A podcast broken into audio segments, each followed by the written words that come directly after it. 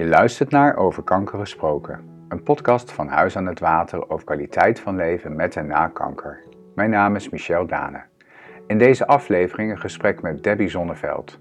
Debbie en Peter vormden samen met hun twee jonge kinderen een gelukkig gezin in Purmerend. Toen werd Peter ziek, kanker. Vorig jaar overleed Peter in hospice in vrijheid in Purmerend. In deze podcast vertelt Debbie openhartig het hele verhaal, van A tot Z. Een lange aflevering, maar zeker de moeite van het luisteren waard als je wilt weten wat het betekent om als gezin te leven met een palliatieve diagnose. Wat is jouw relatie met kanker? Mijn man heeft uh, acht jaar geleden de diagnose de ziekte van Kaler uh, gekregen. Uh, daarvoor was hij al eigenlijk twee jaar aan het kwakkelen. maar echt acht jaar geleden hebben we de diagnose gekregen. En wat is dat precies, ziekte van Kaler? De ziekte van Kaler is beenmergkanker. Wauw, en hoe kwam, hoe kwam die daarachter?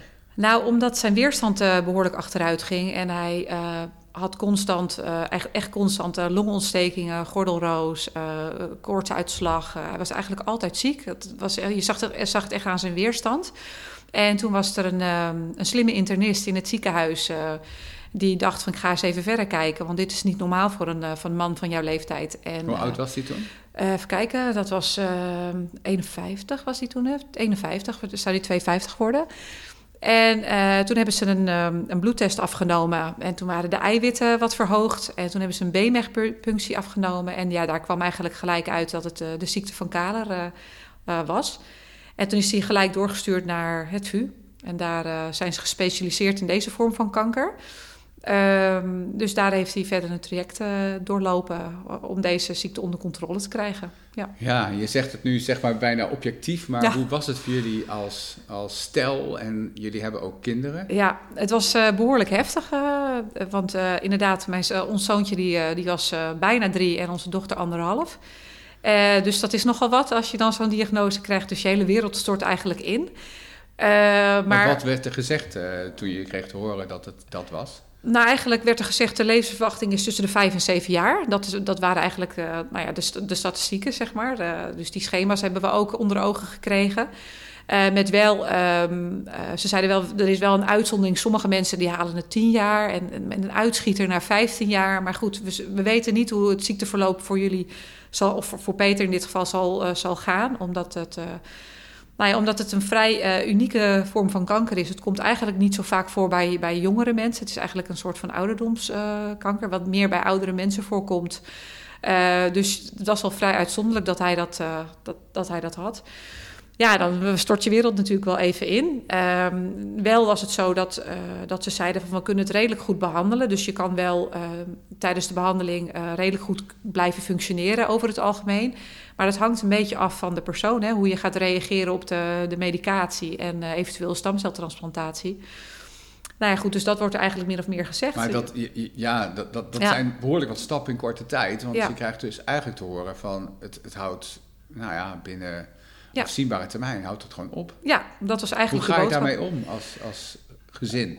Nou, in eerste instantie ben je een beetje ja, ja, gebroken eigenlijk. Een beetje, maar ook een beetje lam geslagen. Omdat je natuurlijk helemaal... Dat kwam echt uit het niets kwam zo'n opmerking maar natuurlijk. Maar hij was altijd gezond, tenminste niet, niet de laatste tijd, maar daarvoor nee, daarvoor altijd, ja, niks aan de hand. En uh, ineens ja, kreeg hij natuurlijk allerlei kwaaltjes, maar nooit aan kanker gedacht. Nooit eigenlijk. En deze ziekte had ik überhaupt niet... Van de ziekte van Kaler had ik nooit gehoord. Dus dat was helemaal een nieuwe ziekte voor mij. Dus dan ga je natuurlijk je inlezen, je erin verdiepen. En, en eigenlijk een week voor de uitslag... Voordat we wisten dat het ziekte van Kaler was... Toen zijn we al uh, ons gaan ja, inlezen natuurlijk over wat, wat voor ziekte het is en wat het inhoudt. Het is vrij complex allemaal. En nee, goed, je hebt ook tijdens de ziekte, of in de ziekte van Kaler meerdere varianten. Nou goed, bij hem zat het dan voornamelijk in, in de botten. En nou ja, goed, dan ga je een heel ziekte, of dan ga je een heel ja, uh, hoe moet je dat zeggen? Dan hebben ze gewoon een stappenplan wat ze gaan doen met je. Er moeten foto's gemaakt worden van je skelet. Uh, er worden heel veel bloedtesten afgenomen om te kijken hoe ver de ziekte zich heeft uh, ja, ontwikkeld inmiddels. Er kwam een hele medische molen terecht eigenlijk. Ja, een hele medische molen in het VU. En het, het grappige, of nou, het grappige, dat vonden we toen wel grappig, is dat Peter werkt bij een architectenbureau. En die had een jaar daarvoor, had hij de, de afdeling waar hij dan nu terecht kwam, had hij helemaal opgeknapt. Je meent het. Ja, dus uh, we hebben er ook wel... Hij was er al eerder geweest. Ja, hij heeft het opgeleverd. En dat was het bureau van, uh, waar hij werkte, zeg maar. Die heeft de hele, ja, die afdeling helemaal opgeknapt. Bizar, ja, het was heel bizar, ja. Nou ja, goed, en dan kom je natuurlijk op zo'n afdeling. Dan is hij dan voornamelijk patiënt en ik zit er dan natuurlijk vooral naast. Ja, dat is een hele rare wereld. Want dan zit je in de wachtkamer met allemaal mensen die, die kanker hebben. Want het was echt een afdeling puur voor, voor mensen met kanker. Verschillende vormen hoor. Maar uh, nou ja, goed, dan zit je daar ineens. Ja, dan... En wat gebeurt er met jou? Want jij bent dan de naaste. Ja.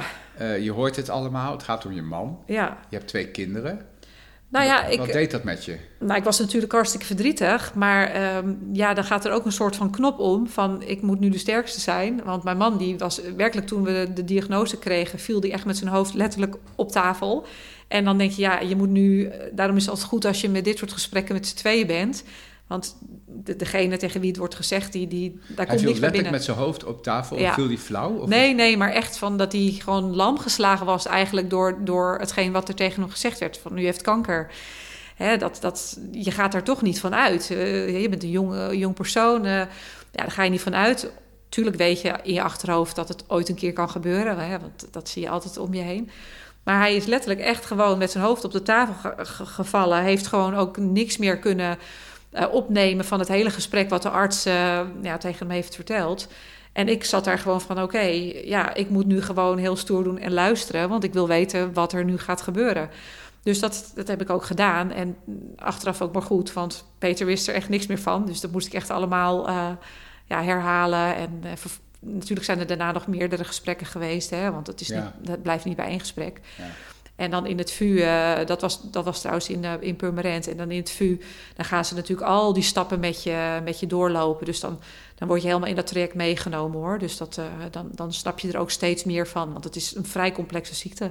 Ja, ja. want je, dat zei je, want je wist er niks van. Nee. Maar je bent enorm weer gaan verdiepen in ja. wat dat dan allemaal is. Ja. En wat het doet. En ja. inmiddels weet je waarschijnlijk heel veel erover. Ja, ja ik weet wel. In, in principe weet ik er, tenminste in ieder geval traject uh, wat Peter is, heeft doorlopen, weet ik inmiddels precies hoe dat is gegaan. Dat is ook weer per, per patiënt met kaler anders. Want uh, heel toevallig heeft zijn, een van zijn beste vrienden het ook nu inmiddels gekregen. Een jaar geleden is heel bijzonder. En die heeft een andere vorm. Bij hem zit het op zijn hartspier. Dus het, het, die heeft een heel ander traject. Dus bij iedereen met kaler stippelen ze gewoon een eigen traject uh, uit. En dat was voor Peter ook zo. Ze kijken gewoon uh, hè, eerst naar de, de bloedonderzoeken van hoe ver is de, de ziekte, in welk stadium is het ziekte, uh, hoeveel eiwitten, slechte eiwitten heb je, hoe ziet je skelet eruit, is het nog is het overgeslagen naar bijvoorbeeld je nieren of dus een andere. Dus een hele onderzoeksfase ja, eigenlijk ja, eerst. Ja. En toen kreeg je op een gegeven moment dan de uitkomst daarvan. Van dit is dan wat we gevonden hebben. Ja. En toen kreeg je ook een behandelvoorstel van ja. wat ze wilden doen. Ja, een behandelplan. En eigenlijk uh, uh, gingen ze niet gelijk behandelen. En dat vonden wij eigenlijk heel erg eng. Want uh, met de ziekte van Kaler staat eigenlijk voorop je levenskwaliteit. En op dat moment had Peter nog redelijk goede levenskwaliteit. En een, het traject wat hij zou moeten volgen is zeer, heel erg zwaar. En uh, daar als afsluiting op een, een heel traject met chemo's en allerlei medicatie... heb je als, nou ja, heb je als, als laatste stukje een, een stamceltransplantatie. In zijn geval kon hij zijn eigen stamcellen terugkrijgen. Maar dat, dat wisten we toen nog niet. Want dan ga je dat, dat moet je dan tijdens dat onderzoek... wordt dat natuurlijk helemaal uitgezocht of dat kan of niet... Sommige mensen hebben stamcellen van iemand anders nodig. En dan heb je ook weer een heel ander traject. Dan heb je een donor nodig. Nou, die zijn er ook niet zomaar. Uh, dus in Peters geval wist ze uiteindelijk dat hij dan zijn eigen stamcellen terug zou kunnen krijgen. Maar dan krijg je dus een heel traject met allerlei uh, kuren van, van chemo's uh, om, om de kaler onder controle te krijgen. of in ieder geval de, de eiwitten onder controle te krijgen. en op die manier wilden ze dan de ziekte een beetje ja, wegdrukken en om het zo lang mogelijk weg te houden. Hè. Uiteindelijk komt het weer terug, maar ze willen het dan tegenhouden. Dus dat je zo lang mogelijk de kwaliteit, van, kwaliteit leven. van leven hebt. Ja, ja. Nou, dat, op zich ging dat redelijk goed bij Peter. Hij, hij reageerde ook heel goed op de medicatiecocktail. Uh, ik noem maar even een cocktail. Uh, maar er was één medicijn bij, uh, waar hij dus uitval kreeg in zijn zenuwen, vooral in zijn vingers. dus bij elke keer als hij die medicijnen moest slikken, was er meer uitval. Nou, toen moest hij daar uiteindelijk mee stoppen, omdat ze bang waren dat dat blijvend letsel zou geven. Ja. En toen hebben ze gezegd: Oké, u reageert heel goed, want de kaler zien we echt, of de, de, de, slechte cellen zien we echt naar beneden gaan. Maar ja, we gaan dan toch over op het traject stamceltransplantatie. Hij heeft ook meegedaan met een onderzoek, met zo'n uh, HOVON 95 heette dat. En dat, dan, ja, dan, dan doe je mee met een soort, ben je een soort testpersoon, zeg maar, laat ik het zo zeggen. En dat, nou ja, goed, daar was hij voor ingelood. En uiteindelijk is dan de stamceltransplantatie was het laatste stukje van de hele behandeling. En ehm, wat, wat, wat ik wel denk, is dat ze net te laat zijn gestart met de chemo's. Uh, omdat ze dan gaan kijken, hè, ze meten dan elke, nou in Peters geval was het geloof ik elke week in eerste instantie, uit mijn hoofd, elke week of elke twee weken dat hij naar het vuur moest voor bloedonderzoek. En dan kijken ze dus wat de waarden in zijn bloed waren. Nou, en op een gegeven moment had hij 68 gram sle slechte eiwitten in 1 liter bloed, dus dat is heel veel. En zijn skelet, hè, op de skeletfoto zag je nou eigenlijk een totale waas van, van verzwakking van zijn botten. Dus als je googelt um, op, op uh, ziekte van Kaler en je gaat naar foto's kijken, zie je bij sommige mensen echt gaten in de botten. En Peter had een echt een hele totale waas van ja, verslechtering. dat hij ook heel erg verzwakt was. Ja, en wat gebeurde er? Toen, uh, toen zeiden wij van, nou ja, mogen we nog even een week op vakantie voordat het hele traject gaat starten? Toen zei ze, nou dat is goed. En ik denk dat ze dat, ze dat niet hadden moeten toezeggen. want toen zijn we nog een week uh, naar Duitsland gegaan. En toen ging het eigenlijk mis. Want toen had hij heel veel medicijnen. Hij zat echt aan een volledige dosis medicijnen. was helemaal hyper van de dexamethason.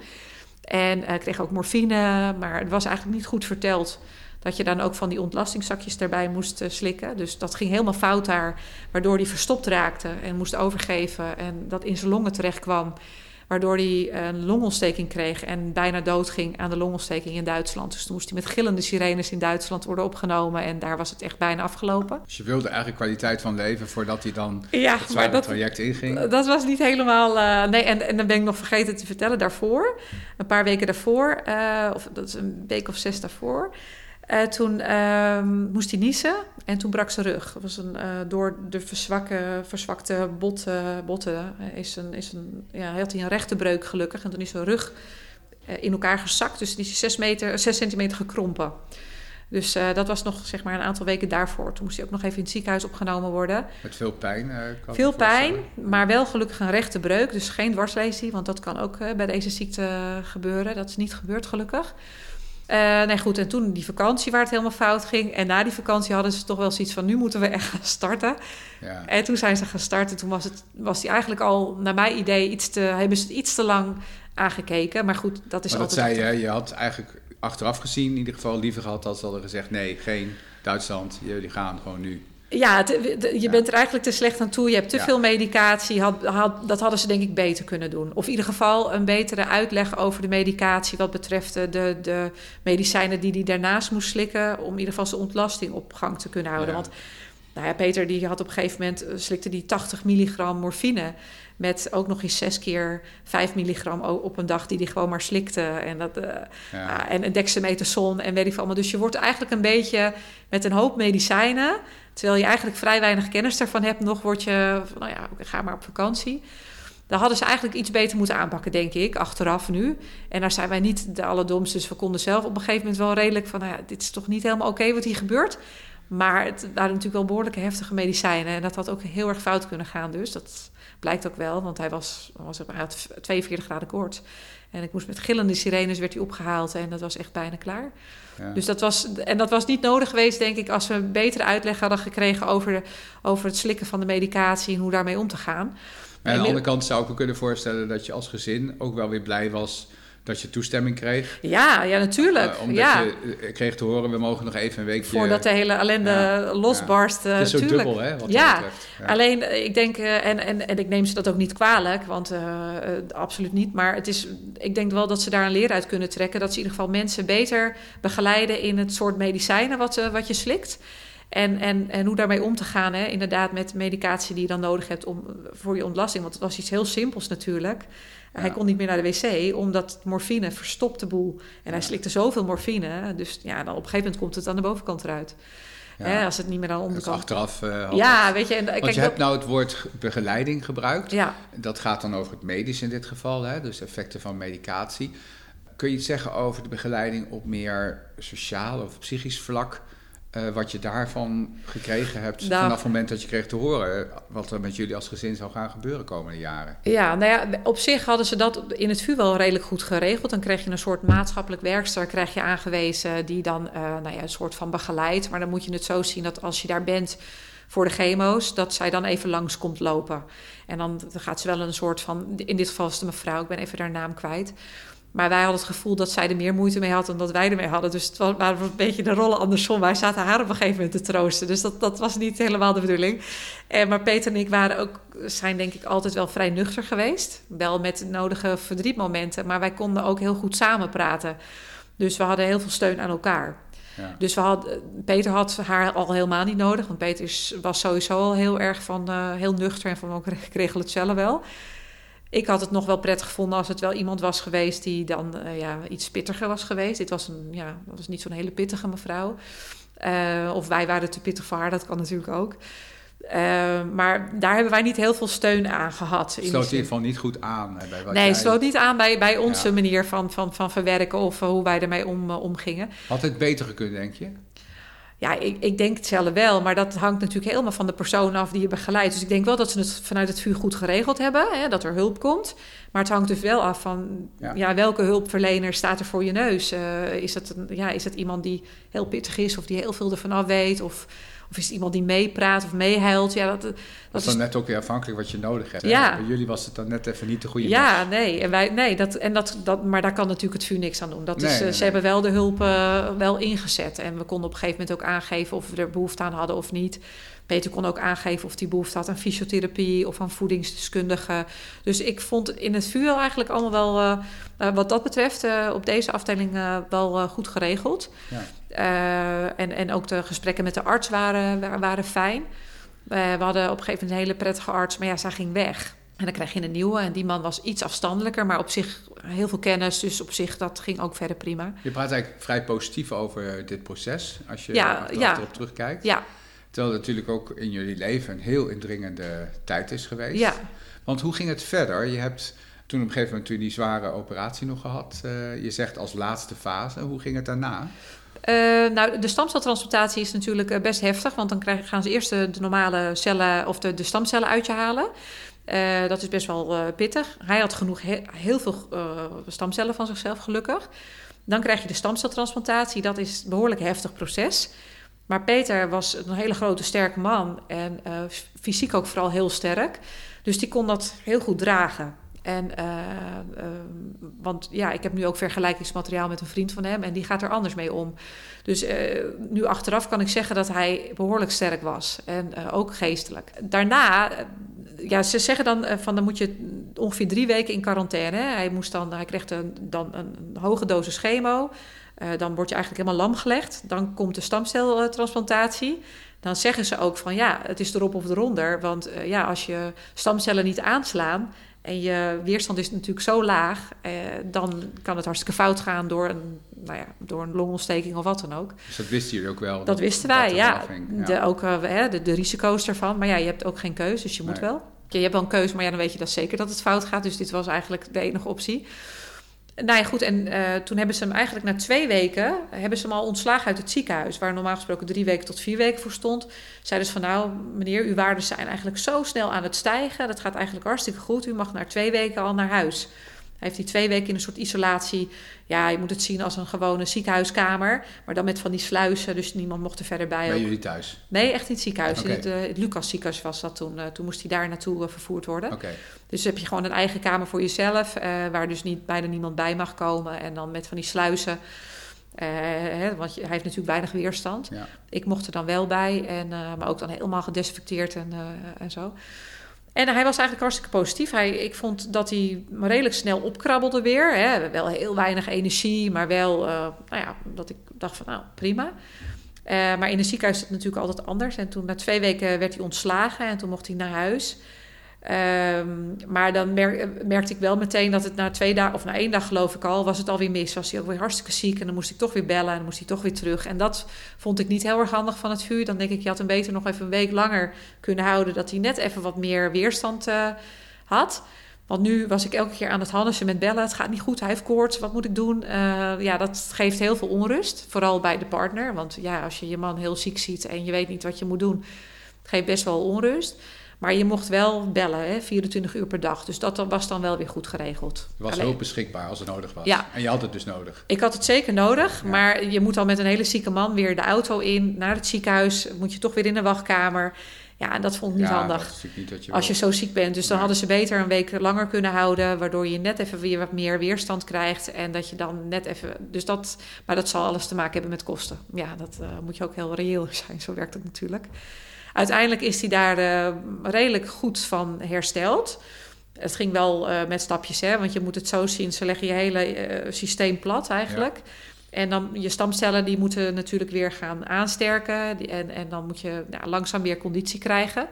Nou, en dat na een, uit mijn hoofd een half jaar chemokuren, zeg maar, in, in, in, verschillende blokken. Ja, dan is je lichaam natuurlijk op. Dus hij moest echt wel flink uitrusten en, en weer op krachten komen ik denk, zijn energie is nooit meer hetzelfde geworden. Nooit meer. Uh, het is, Want over welke tijd spreken we nu? Waar zitten we nu in de tijd? Uh, dit is uh, zeg maar, dan moet ik het even zeggen. Hij kreeg in oktober kregen we die diagnose. Ze zijn in, uit mijn hoofd, in mei gingen we op vakantie. Dus tot die tijd van oktober tot mei hebben ze alleen maar controles gedaan. in mei gingen we dus op vakantie. En dan zeg ik, noem even wat, eind mei gingen ze starten met, het, met de behandeling. Of we gingen ze starten met de chemobehandeling, inderdaad. En in december, 5 december, kreeg hij zijn stamcellen terug. Dus en dat, was 2000... God, maar 13, denk ik? Ja, dan 13 jaar, 13 jaar 2013. Ja. ja. dus dat is zeg maar bijna dan een jaar duurt zo'n trick. Hè? Eigenlijk van het eerste half jaar afwachten wat er gebeurt. En toen eh, starten met de, de, de blokken chemo's. Hè. Dat, is, dat zijn allerlei verschillende pillen die je in combinatie moet slikken. En dan moet je de een moet je dag één en dag drie moet je weer een andere pil. En dan, dan moet je weer terugkomen om te prikken. Dus dat is een heel uh, traject eigenlijk. Uh, dan heb je weer de stamcellen die uit je gehaald moeten worden. Dan moet je ook weer allerlei medicijnen voor slikken en prikken. Om dan die stamcellen weer te verdubbelen. En dat moet dan weer uit je lijf gehaald worden. Nou, en pas als dat allemaal gedaan is en je hebt allerlei lichamelijke onderzoeken gedaan dat je lichaam ook sterk genoeg is. Dan geven ze je nog een hoge dosis uh, uh, chemo in het ziekenhuis. En dan plaatsen ze de stamcellen terug. Dus dat is in totaal alles bij elkaar dan met het wachten. Nou, precies een jaar. Uh, ja, precies een jaar. Een jaar en twee maanden, zeg maar, heeft dat geduurd. Ja, en dan is het weer uh, natuurlijk hele, opbouwen. Een hele intense periode was dat. Want we begonnen dit gesprek met uh, wat is jouw relatie met kanker? Ja. En ja. nou ja, toen, toen zeg je 2012 denk ik. Hè? Ja, dat was in 2012, ja. Toen eigenlijk een heel jaar was kanker denk ik centraal in jullie leven. Ja, kanker en uh, twee kleine kinderen en mijn werk. Dus het was eigenlijk... Want je hebt nog steeds doorgewerkt. Ik heb altijd doorgewerkt. Peter niet, denk ik. Peter heeft nog heel lang doorgewerkt Totdat, uh, die heeft eigenlijk al die, die hele periode doorgewerkt totdat hij behandeld ging worden. Dus die heeft eigenlijk dat hele half jaar, ja, dat half jaar, eerste half jaar gewoon gewerkt. Het hele onderzoek, dat ze alles gingen uitzoeken, heeft hij gewoon gewerkt? Ja, ja ging hij af en toe moest hij natuurlijk wel naar het ziekenhuis voor te prikken, maar dat ging allemaal tussen het werk door. Uh, ja. na dat half jaar ging het niet meer. Nou ja, dat kon niet, want toen, eh, toen dat, dan was hij zo lam van die, van die medicijnen ook. En toen zei hij van, dat moet je niet doen, want hij was natuurlijk heel ziek geweest. Oh ja, hij was ook nog, natuurlijk had hij de rug gebroken. Dus zeg eventjes, een paar weken voor mei is hij gestopt met werken. Want toen is hij ook, op, toen is hij ook opge, opgenomen natuurlijk in het, uh, in het ziekenhuis. Dus zeg eventjes... Uh, nou, eind april, eh, even uit mijn hoofd. Uh, eind april is hij gestopt met werken, omdat hij natuurlijk zijn rug brak. In het ziekenhuis werd opgenomen. Toen gingen we een weekje weg en toen was het ja. Uh, ja, starten van de behandeling. En ik moet zeggen dat hij tijdens de chemobehandelingen zich, ondanks dat hij chemo kreeg, best oké voelde. En het was toen op een gegeven moment zomervakantie en toen was hij best wel fit, vond ik, voor zijn doen. en hij is eigenlijk pas na de stamcellentransplantatie. Toen zag je natuurlijk dat zijn energielevel nou ja, zeg even dat het normaal je energie bij hem was, een normale energie, denk ik 80%, omdat hij natuurlijk al daarvoor heel veel ziek was geweest. Nou, dan denk ik, na de stamcellen had hij een energielevel van 20%. Zo. En dat moest echt, eh, als het niet al minder was, en dan moest hij echt weer rustig opbouwen. En ik denk dat hij nooit verder is gekomen dan 50% nog. Zeg maar, als ik het vergelijk met daarvoor. Hoe was dat voor hem? Eh, heel moeilijk, ja, want twee jonge kinderen, een jonge vrouw, want wij schelen 15 jaar.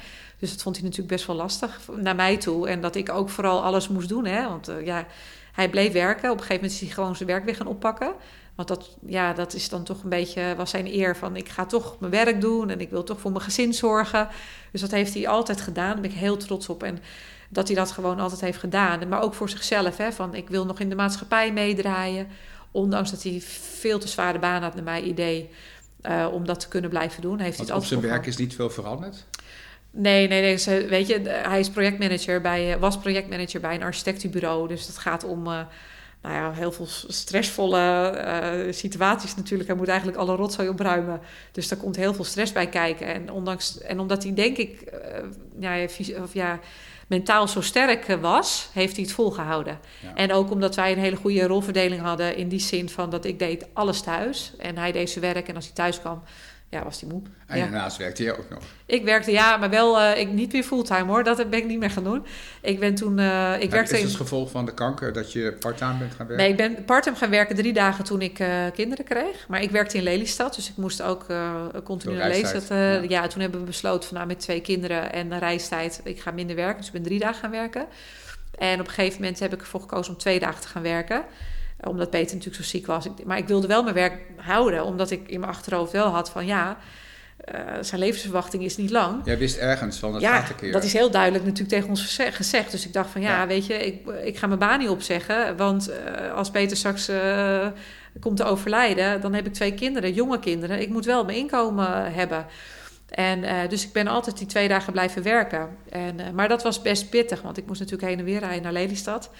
Uh, de kinderen, uh, kleine kinderen, die behoorlijk wat aandacht uh, vroegen, vooral ons zoontje. en, nou ja, goed, en een zieke man, die eigenlijk, ja, voor het ziekenhuis ben je dan niet meer echt ziek, want je bent behandeld en de, de kader is onder controle. Dus dan ben je, ja, is in remise, zeg maar, in een ruststand.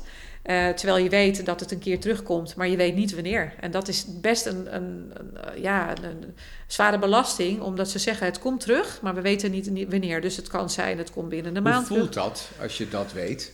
Uh, nou, begin is dat heel erg lastig, omdat je gewoon constant met de angst leeft: oh, het komt weer terug. Maar je hebt zo lang in een soort van overlevingsstand geleefd. Want eigenlijk, dat is wat je doet. Hè? Van, ik mag nu niet uh, zielig gaan lopen doen. Want mijn man heeft me nodig, mijn kinderen hebben me nodig. En ik moet werken. En, dus je gaat in een soort overlevingsstand. Dat heb ik ook echt zo gedaan. En zo heb ik het ook ervaren. Dus weinig ruimte voor je eigen gevoel daarin. Als ik over mezelf spreek dan. Hè. Peter was natuurlijk redelijk gefixeerd op zijn eigen herstel. Wat heel logisch is.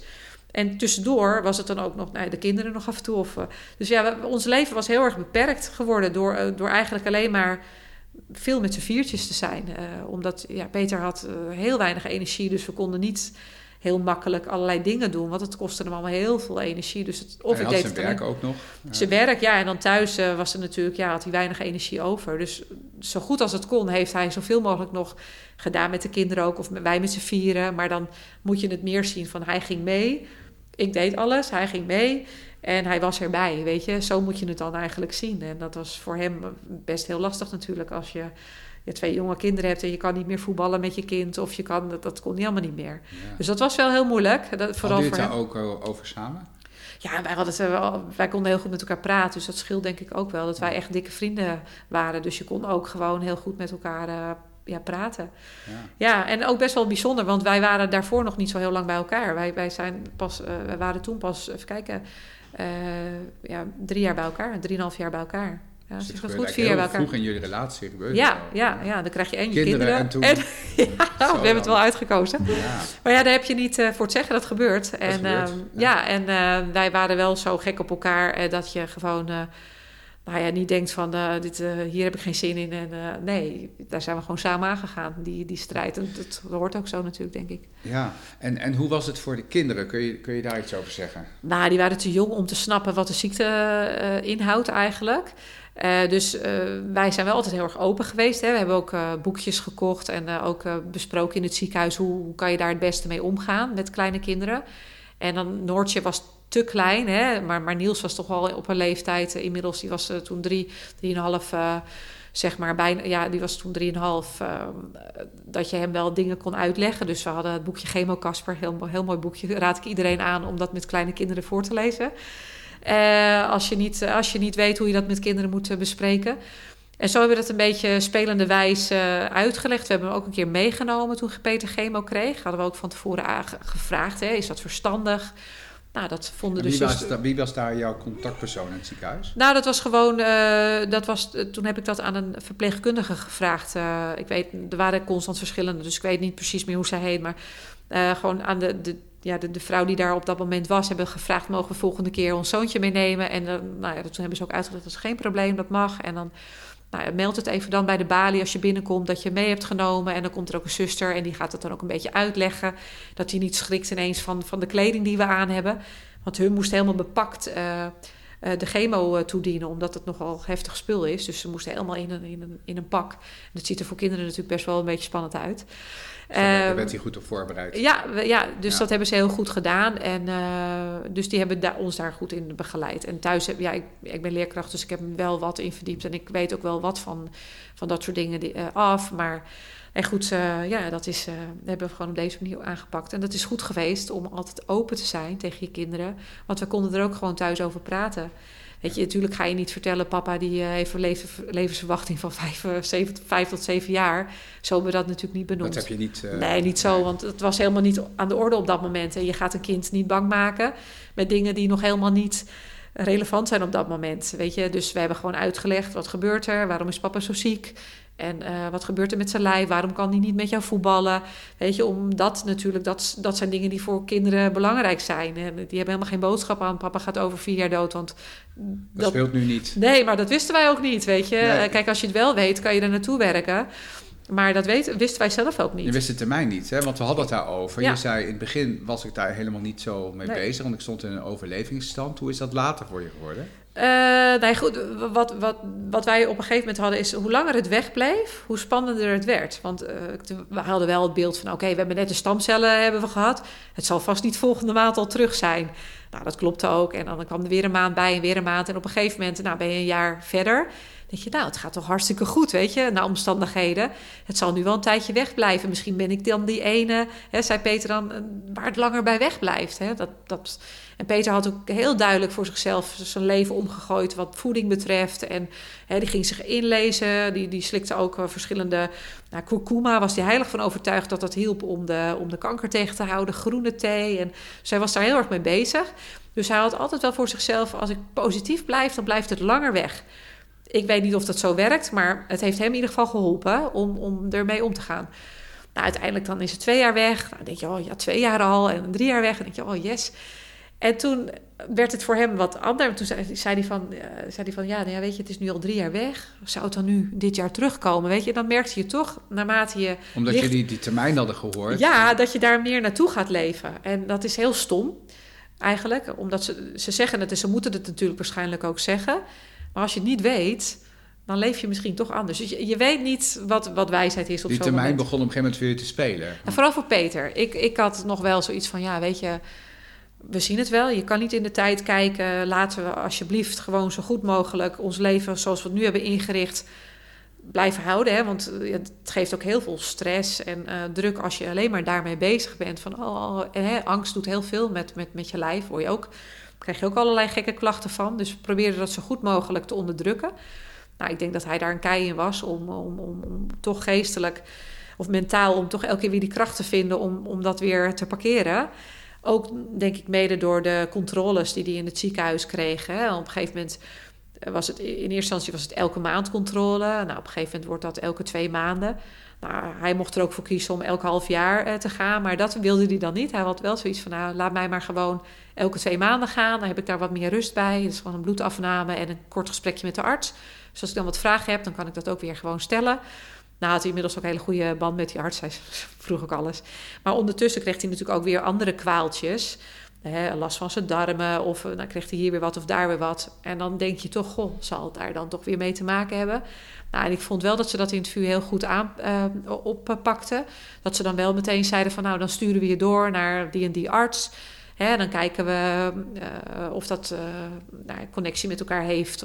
dus dat hebben ze wel altijd wel goed gedaan in het VU. Of in ieder geval, als ze er dan niks mee konden, dat, dat ze dan zeiden: ga maar naar je huisarts, vraag een verwijsbrief en ga dan naar die en die arts toe, weet je. Dus daar hebben ze altijd wel heel serieus... Het allemaal serieus opgepakt. Absoluut, ja. Ook omdat Peter geen aansteller is, denk ik, weet je. Dus die, die uh, als hij wat zegt, dan is het vaak ook wel menens. Weet je, anders zegt hij het niet. Als hij ergens last van heeft, dan. Uh, Want jullie hadden eigenlijk een soort van balans gevonden als gezin.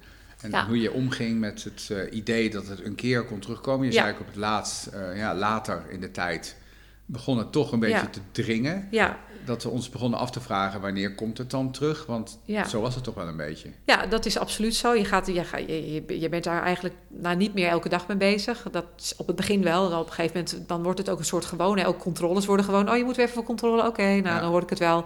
Dus dat wordt ook weer een beetje het normale leven. Zo simpel is het ook gewoon. Uh, maar op een gegeven moment, uh, uh, daar ga ik dan zo naartoe. Ik wil nog één ding zeggen, wat misschien wel heel belangrijk is. dat je je relatie, als je, als je voor de kanker, tijdens de kanker en na de kanker, dat is ook best wel een, uh, een hele struggle, zeg maar, hoe je dat weer uh, op, in de juiste balans uh, kan krijgen. Ik vind dat ze daar uh, wel tekort in zijn geschoten. Dat je, dat maar je... kun je iets over zeggen over die verschillende fases, hoe jij dat hebt beleefd? Ja, nou ja, weet je, als je, als je net te horen krijgt dat iemand kanker krijgt, dan zit je natuurlijk in een soort van, in, eerst in een soort van gekke fase, omdat je, ja, je weet helemaal niet wat, wat je te wachten staat. Dus dan is het meer angst wat overheerst en zorgen. Nou, dan ga je het traject in. Dan denk je van, oh goed, we gaan het traject in. Dus eh, er komt weer een stukje hoop. Want dan, dan denk je van, oké, dan, dan is het in ieder geval weer een levensverlengend iets. Hè? En dan krijg je weer een beetje hoop. En als je dan behandeld bent en je, gaat, je wordt losgelaten, in, hè, zeg ik het maar even zo ondanks dan dat je controles hebt, dan komt het stukje weer van, uh, van hoe sta je nou in je relatie met elkaar. Hè? Want hij is natuurlijk heel lang patiënt geweest. Ik ben eigenlijk verpleegkundige uh, geweest, zorg, mantelzorger geweest. hè, tot, ja. ik heb natuurlijk echt alles meegemaakt met hem. En, en dat stukje, ik denk dat daar nog wel een hoop te winnen is. Um, vanuit, uh, vanuit het ziekenhuis of in ieder geval de hulpverlening die je kan krijgen. Van hoe ga je nou weer uh, met elkaar zorgen dat je weer een normale man-vrouw relatie ja. krijgt. Dat is best een, een, ding. En nou zijn wij allebei redelijk... Uh, nou ja, denk ik, mensen die heel goed kunnen relativeren. En we zijn redelijk nuchter in ons leven. Wij hebben wel uiteindelijk weer een weg kunnen vinden. Maar ik kan me zo voorstellen, als ik zie wat wij allemaal hebben meegemaakt, dat een heleboel mensen de handdoek in de ring gooien. Of toch uh, denken van dit wordt mij te veel en ik stop ermee. Uh, ja, want je het moet alle... niet vanzelf zo te horen. Nee, zeker niet. Je moet echt weer zoeken. Je moet is het echt... jullie gelukt? Denk het is ons zeker gelukt, gelukkig ja. wel. Ja. En daar ben ik ook heel trots op. Uh, maar dat heeft zeker echt wel tijd gekost om weer de juiste balans te vinden. Hè? Voor mij om niet meer het bemoederen, hè? want je gaat iemand bemoederen, want je bent aan het zorgen. En om hem weer de rol te geven van ik ben gewoon ook gewoon een man en ik ben, jij bent gewoon mijn vrouw en we gaan weer normaal doen. Hè, want wat is normaal, uh, dat is natuurlijk heel lang niet meer geweest. Maar daar zat misschien ook een beetje zijn drijfveer, wat je eerder zei. Dat hij heel graag weer die kostwinner wilde zijn. Of ja. wilde werken, ja. geld wilde verdienen voor ja. het gezin. En dat, dat hebben we op een gegeven moment natuurlijk ook zo opgepakt. Maar ik was hem natuurlijk wel heel erg aan het beschermen. Van oké, okay, dan doe jij dat, maar ik doe de rest. Weet je? En, en waardoor je dus veel te veel bij jezelf... Uh, Hè, om hem te beschermen. Maar uiteindelijk zelf natuurlijk veel te veel gaat doen. Was je jezelf ook altijd overvragen daarin? Ja, nou heb ik heel veel energie, dus dat ging redelijk goed. Ik kon het redelijk goed handelen. Maar ik denk achteraf dat dat niet, dat is natuurlijk niet gezond. Het is niet gezond. Ik denk niet dat heel veel mensen dat vol hadden gehouden op deze manier. Het waren wel tropenjaren voor je. Zeker, ja. ja. En zeker met twee kleine kinderen natuurlijk. En, uh, maar dat, dat, dat heeft natuurlijk ook alles met mijn karakter te maken. Dat je iemand wil beschermen en uh, wil voorkomen dat hij ziek wordt... omdat je bang bent als hij ziek wordt dan ga je weer een paar stappen terug. En het gaat nu net zo goed, dus laten we maar. Maar het is heel mooi dat je het noemt, want het is natuurlijk voor veel mensen die het overkomt heel goed om te weten dat er een verschil is ja. van de fase waarin je heel duidelijk uh, in dat ziekteproces zit, ja. waarin de partner die ja. rol moet spelen van ja, hulpend, uh, helpend zijn, ja. uh, ben je mantelzorger. En op een gegeven moment moet het toch weer toch terug naar man-vrouw of ja, relatie. Dat, ik denk dat dat ja. nog de moeilijkste klus was, zeg maar. Uh, hè, ja. Zo'n ziekte, dat, daar word je natuurlijk door geholpen door de artsen en de medicijnen. Er is heel protocol voor. Dus dat, natuurlijk ben je daar zelf bij, maar dat gaat eigenlijk als een soort van machine natuurlijk, omdat ze dat, dat protocol zo hebben. Hè, van wat, wat doen we bij die patiënt en hoe gaan we ermee om? En het is gewoon eigenlijk een van afspraak naar afspraak leven. Maar inderdaad, dat als je losgelaten weer wordt en dan je, je relatie weer opbouwen vanuit zo'n heftige situatie dat is heel extreem lastig en moeilijk. En dat, dat, ja, dat is een hele strukkel, een hele worsteling om daar weer de juiste balans in te vinden. Ja. Ik denk nooit, het is nooit meer hetzelfde geworden ook. Hè? Het is, dat kan denk ik ook niet meer, omdat je als persoon heel erg ver, verandert door zo'n ziekte. Ik stond als een soort blij ei in het leven. Nou, dat was wel echt even meteen met grond gelijk gemaakt. En, en dat Peter ook, weet je. En Peter is ook nooit meer hetzelfde geworden, ook qua energie, zeg je. Nou, nooit meer hetzelfde geworden. Dus je krijgt ook een andere man ervoor terug. Hè? En uh, en dat geeft niet, want je weet ook waardoor dat komt. Hè? Het is niet zo dat ineens iemand verandert, dat gaat geleidelijk. Je weet ook waardoor dat is gekomen. Ik weet ook waardoor ik natuurlijk ben veranderd daarin. Ik ben ook niet meer dezelfde die ik daarvoor was. Heeft jullie allebei aangeraakt. Ja, ja. En dan is het natuurlijk best een, een hele uitdaging om te kijken of je elkaar dan nog leuk genoeg vindt. Hè? Want je, je reageert anders. Je, je, hij was vooral ook wel op het begin wat neerslachtiger. Ik ben een soort van hyper uh, persoon. Dus ik had heel veel moeite met een, een, man die heel veel op de bank lag. En uh, wat heel begrijpelijk was. Hè? Maar dat is best wel heftig als je zelf heel erg veel energie hebt. En, hè, en dat, dat, dat was best de zoektocht van, van, van ja, hoe moet je daar nou mee omgaan? Uh, uiteindelijk is het wel gelukt. En daar ben ik blij mee. Ja, ja en trots op. Ja. Want ja, je, je hebt dan een paar keer in de verleden tijd gesproken toen je het over Peter had. Ja. Uh, hoe is het verder gegaan? Nou, uiteindelijk uh, nou, zijn we eigenlijk een beetje zo doorgekabbeld hè, op deze manier. Dus redelijk stabiel. Dus met de controles tussendoor. Nou, het leven redelijk goed weer naar omstandigheden opgepakt. Met behoorlijk wat beperkingen natuurlijk, wat ik al zei. dat niet, niet alles meer kon. Alles op een laag pitje. Maar wij waren gewoon gelukkig met elkaar en met de kinderen en uh, als gezinnetje. En, uh, en op een gegeven moment, dus dan praat ik nu over een aantal jaar. Eh, toen werd eigenlijk het werk voor Peter te veel. Je merkte gewoon al dat, dat zijn energie steeds minder werd. en dat hij eigenlijk een beetje op aan het raken was wat werk betreft. Nou goed, toen hebben we besloten. samen met zijn baas dat hij vervroegd pensioen zou, zou gaan doen. Want hij was inmiddels 59. Uh, nou, de, daar heeft hij natuurlijk het een, een en ander gesprek over gehad uh, met zijn baas. En eigenlijk waren we erover eens met elkaar van, nou ja, dat is denk ik ook wel heel verstandig dat je nu uh, gaat stoppen met werken. Hè, ook om dan weer wat levensenergie te krijgen voor, voor hoe lang je dan ook nog hebt. Hè, want het, de kaler was onder controle. Dus ja, we hadden zoiets van, nou, dan moet je nu echt wel gaan stoppen. En dan kan je nog wat van je leven maken. Dan heb je wat meer energie over voor de kinderen. En nou, zijn grote hobby was vissen had allemaal spullen verzameld. Dus, uh, en dan kon hij lekker gaan vissen. En uh, wat, dan zou ik ook weer een wat gezelligere man terugkrijgen. Dat klinkt een beetje naar, maar hij was op een gegeven moment gewoon op. Dus werd daar ook minder gezellig door. Was gewoon af. Ja, hij kwam nou, nog net niet kruipend het huis in, maar wel uh, over, oververmoeid. En ook als hij uit zijn bed stapte, had hij het gevoel dat hij marathon had gelopen. Dus dat ging natuurlijk van kwaad tot erger. Dat ging natuurlijk niet meer goed. Nou, toen hadden we dat besloten en dat was ergens eind oktober, denk ik, begin november. Ehm, en uh, ik hartstikke blij, want hij was 2,5 week thuis. En ik zag al dat hij meer energie kreeg, dat hij zich prettiger voelde. Dat hij eigenlijk een soort van uh, blij was dat hij weer een soort van lucht kreeg. En niet meer elke dag naar zijn werk moest met alle prikkels die daarbij komen kijken. En toevallig was ik die dag thuis en ik, het ging niet goed met hem. Hij greep naar zijn hart. Uh, hij riep me, het gaat niet goed, ik krijg een hartstilstand. En ik ik was ook redelijk nuchter, omdat ik inmiddels natuurlijk al wat had meegemaakt. Dus zeg, je krijgt een hartstilstand, ga liggen op de bank. Ik bel 112 of de dokter en dat komt allemaal goed. Ga maar liggen. Dus ik had de dokter snel gebeld, uh, belt uh, snelle ja, was nummer. de verzorgende vrouw weer. Die ja, ik, ik was inmiddels wel, wel zo getraind dat ik niet meer zo snel in paniek zou raken. Want ik had natuurlijk al heel wat gezien. Ja. Ik zeg, ga liggen en huppatee. Maar ik dacht wel, shit, ik die tafel weggetrokken. Ik denk, ik moet straks moeten reanimeren. Maar goed, dat was niet nodig. Dus uh, de dokter gebeld, die, die, die, die snelle lijn, zeg maar. En uh, ze kreeg meteen de, de assistent, die heeft meteen eigenlijk de ambulance gestuurd. Want ik was nog steeds wel zo van, ik geloof niet dat het een hartstilstand is, maar ik weet het niet. Maar ik ga niet 112 bellen, dus ik, ik ga de dokter bellen. En nou, toen kwam de ambulance, stond echt zo voor de deur. En toen was eigenlijk het al over bij Peter. Dus ik dacht al van, nou, zie je, dat is het niet. En toen uh, uh, want het leek echt op een, nou ja, een hartinfarct, denk ik, hartstilstand. Uh, was helemaal in paniek, zijn hele linkerkant. Hij ging ook heel raar in zijn nek. En toen dacht ik ook paniek bij hem. nou, de ambulance kwam en die heeft hem eigenlijk gerustgesteld. Dus die hebben allerlei testen afgenomen. Nou, er bleek ook uit dat het niet zijn hart was. toen dacht ik van, nou, zal het dan zijn hoofd zijn geweest? Heeft hij een propje in zijn hoofd gehad misschien? TIA, wat dan ook. Nou, toen zeiden ze van, nou ja, op dit moment kunnen, dat kunnen ze ook niet zien op dat moment. Maar uh, is het verstandig dat je straks even naar de huisarts gaat en die gaat dan verder kijken hoe en wat. Dus wij nog grappen, jezus, heb ik helemaal voor Jan Doedel die ambulance laten komen. En uh, toen zeiden ze al van, nee, dat is goed, weet je, beter één keer te veel dan één keer te laat. En, uh, maar goed, Peter die voelde zich helemaal niet lekker en zweten en ook een beetje ongemakkelijk natuurlijk. Dat, dat de ambulance kwam met drie man En het bleek dus geen hartstilstand te zijn. Die zei, ja, luister, voor hetzelfde was het wel. En dan uh, had je het nodig gehad. Nou, toen konden we smiddags al terecht bij onze huisarts. Echt, wij hebben echt een fantastische huisarts. En die, uh, die kon meteen uh, komen. En die heeft er eigenlijk voor gezorgd dat Peter... volgens mij twee dagen later al naar de TIA-poly kon... in het Dijklanden ziekenhuis. daar is hij onderzocht... Nou, krijg je ook een heel protocol hebben ze daarvoor. Hè, wat voor testjes ze dan allemaal doen, met welke artsen je allemaal langs moet. Nou, dat heeft hij keurig allemaal doorlopen.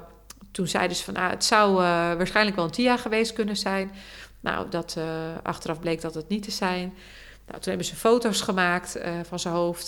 ze hebben EEG gedaan om te kijken of het epilepsie, ep epilepsie was, et cetera. Nou, daar kwamen ze eigenlijk allemaal niet uit. Toen hebben ze een, een, een, foto inderdaad gemaakt van de hersenen. En daar moesten we toen voor naar ook naar het Dijklanden ziekenhuis. Nou, toen gingen we voor de uitslag. En toen zagen ze een heel klein wit lijntje op de, op de foto in zijn hersenen. Uh, gewoon een soort uh, worstje, ja, een strengeltje, slangetje. En uh, toen dachten wij van, oh, phew, gelukkig, het is geen tumor. Dat was het eerste wat wij dachten, het is geen tumor. En de arts die was ook heel stellig van nee, absoluut geen tumor. Wij denken dat het trombose is. Uh, we weten het niet zeker. Maar dat denken we. En nou, hij moest meteen aan de bloedverdunners, et cetera. Maar als je er niet helemaal zeker van bent of je, je twijfelt en je, je hebt er geen goed gevoel bij, kan ik je misschien wel door, doorsturen naar het uh, AMC. Ik zeg, dat gaan we doen. Want ik was niet meer zo. Ik dacht van, we gaan niet zeker. Oh, oh, we, doen het niet met van het is misschien. Nee, in je hoofd ben ik toch wel iets. Uh, dat kwam echt van jou, dat initiatief. ja, nou, Peter ook, want die is ook best wel gebekt. Dus die zei ook van nee, we gaan dan wel naar het AMC.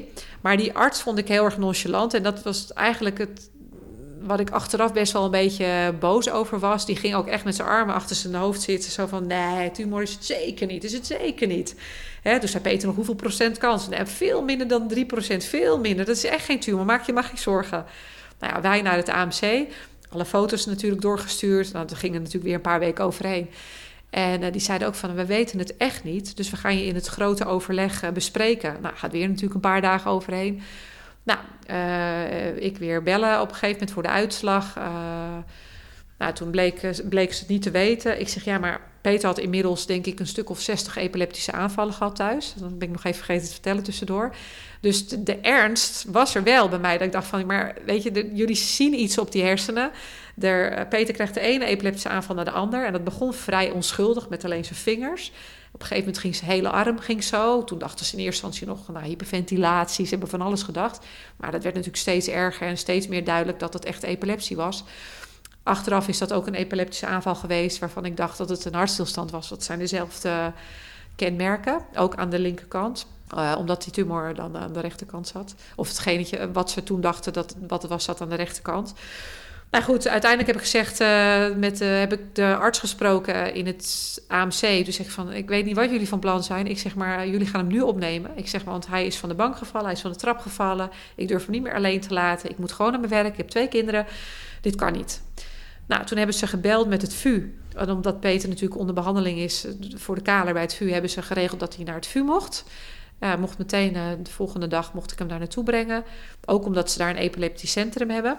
Uh, nou, toen heb ik Peter naartoe gebracht. Zo van, nou Peet, je mag opgenomen worden en uh, dat heb ik voor je geregeld. Dan uh, bla bla bla. Met nooit de wetenschap dat hij nooit meer thuis zou komen. Dus wij gingen gewoon daar naar het ziekenhuis. Hij werd daar opgenomen. Zo van, nou, we gaan hem onderzoeken. We gaan controleren wat het is.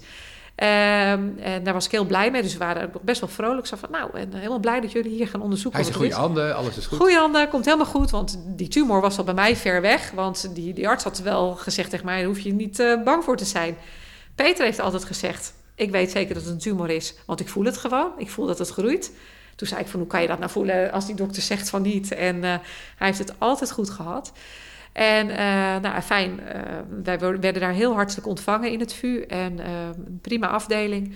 Nou, Peter kreeg een kamer alleen, omdat hij natuurlijk heel veel epilepsie had. En eigenlijk alles wat nou ja, prikkels gaf, dat wekte een aanval bij hem op. dus een hartstikke goede service allemaal.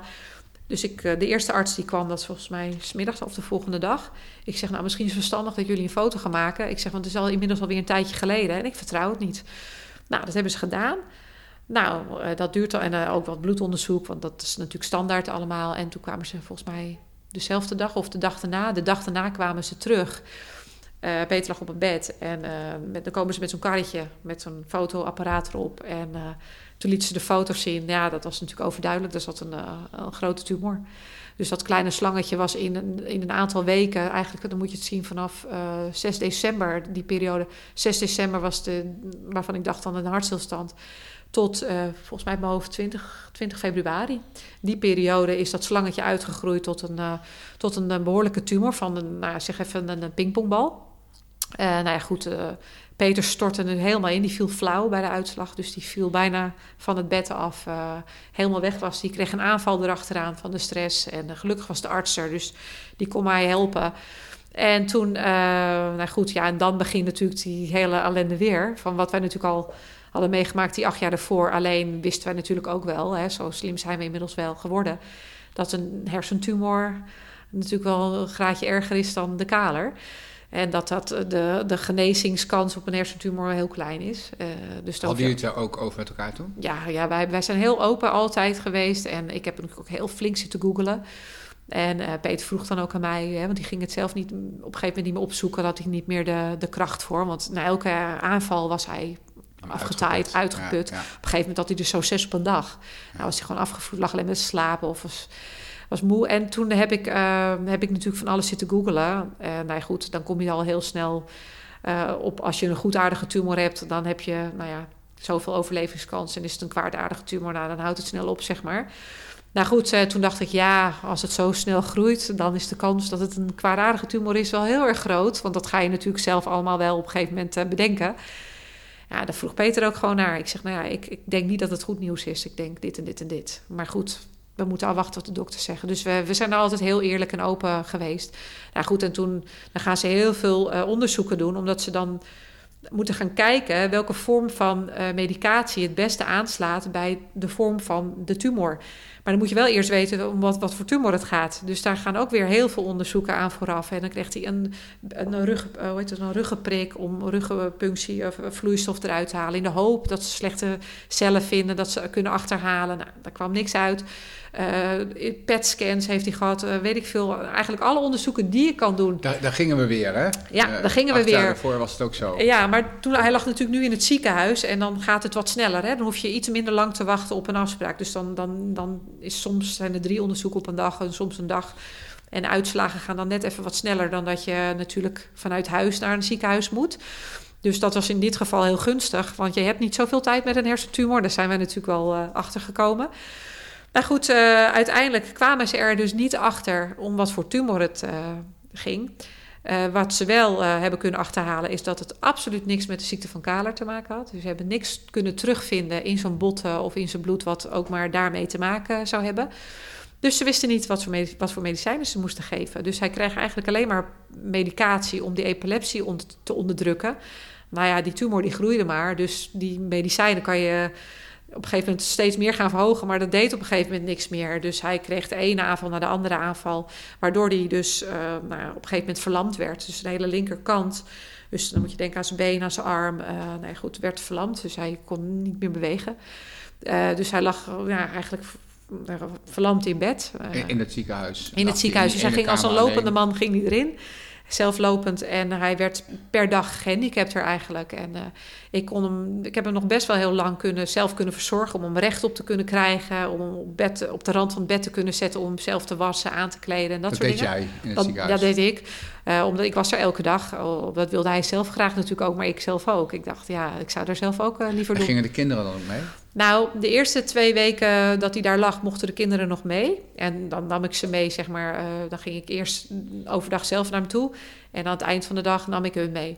Maar op een gegeven moment kwam de corona natuurlijk om de hoek kijken. Toen mochten ze niet meer mee. Dus toen zijn ze echt 4,5 week mochten ze niet naar hun vader. Dus dat, dat, is natuurlijk heel pijnlijk, vooral voor Peter en voor de kinderen. En uh, ja, ik mocht wel, omdat ik hem verzorgde. Maar uiteindelijk mocht bijna niemand meer komen. Hè. Dus op een gegeven moment werd het per dag, bijna per uur, werd het aangepast. En uh, het is geluk dat hij op een, alleen op een kamer lag. Dus, en ze deden bij mij een beetje...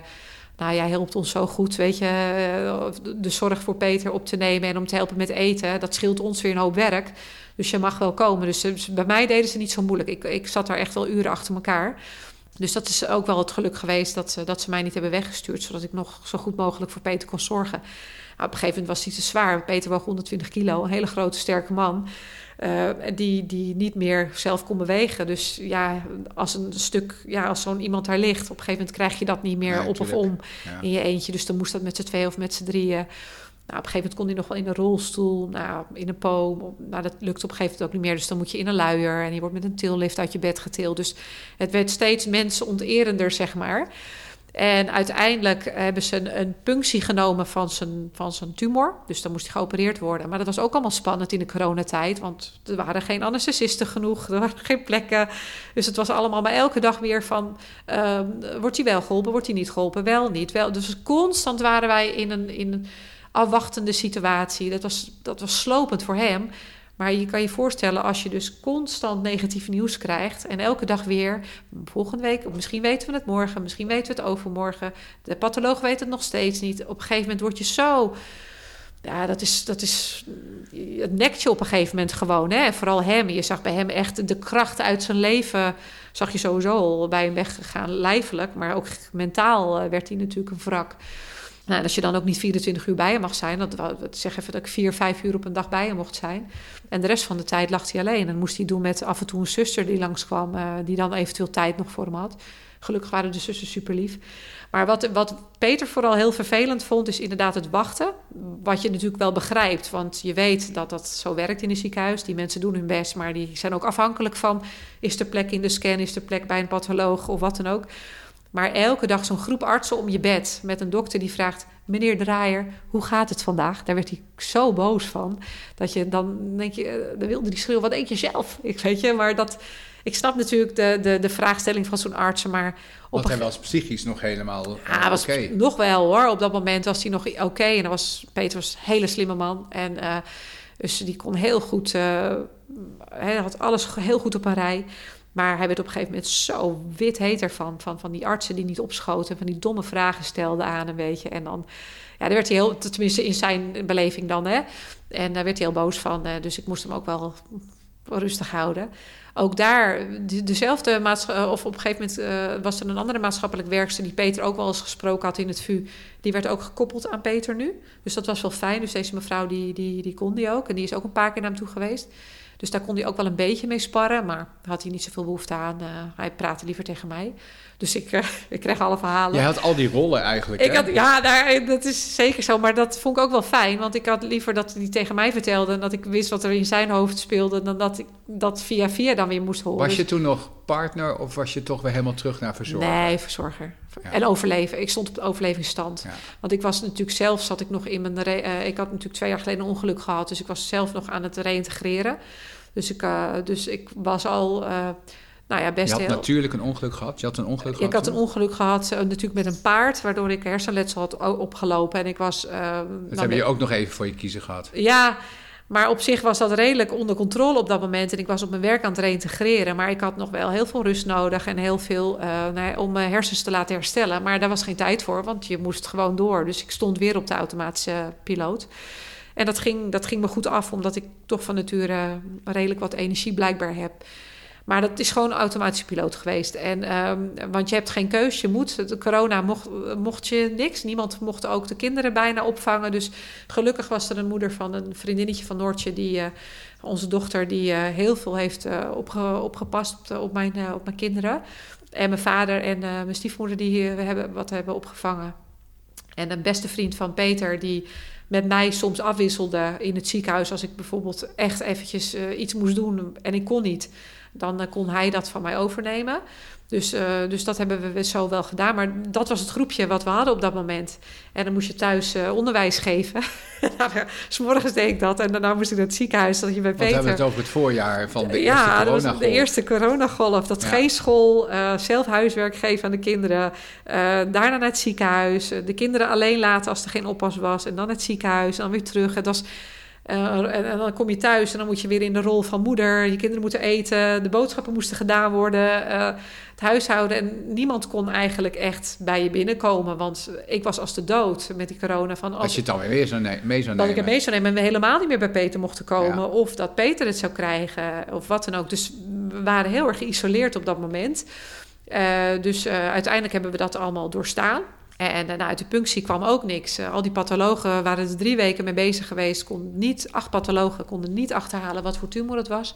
Ze waren maar aan het onderzoeken, die hele diagnosefase ja, was nog steeds maar, bezig. Ja, was nog steeds bezig in die periode. Dus je zag Peter verzwakken in een, een sterke man naar een uh, redelijk sterke man dan naar een... Uh, nou ja, eigenlijk een uh, heel zielig dood vogeltje. Een legerige patiënt in ieder geval. Echt, ja. ja, ja en af, totaal afhankelijk van andere mensen.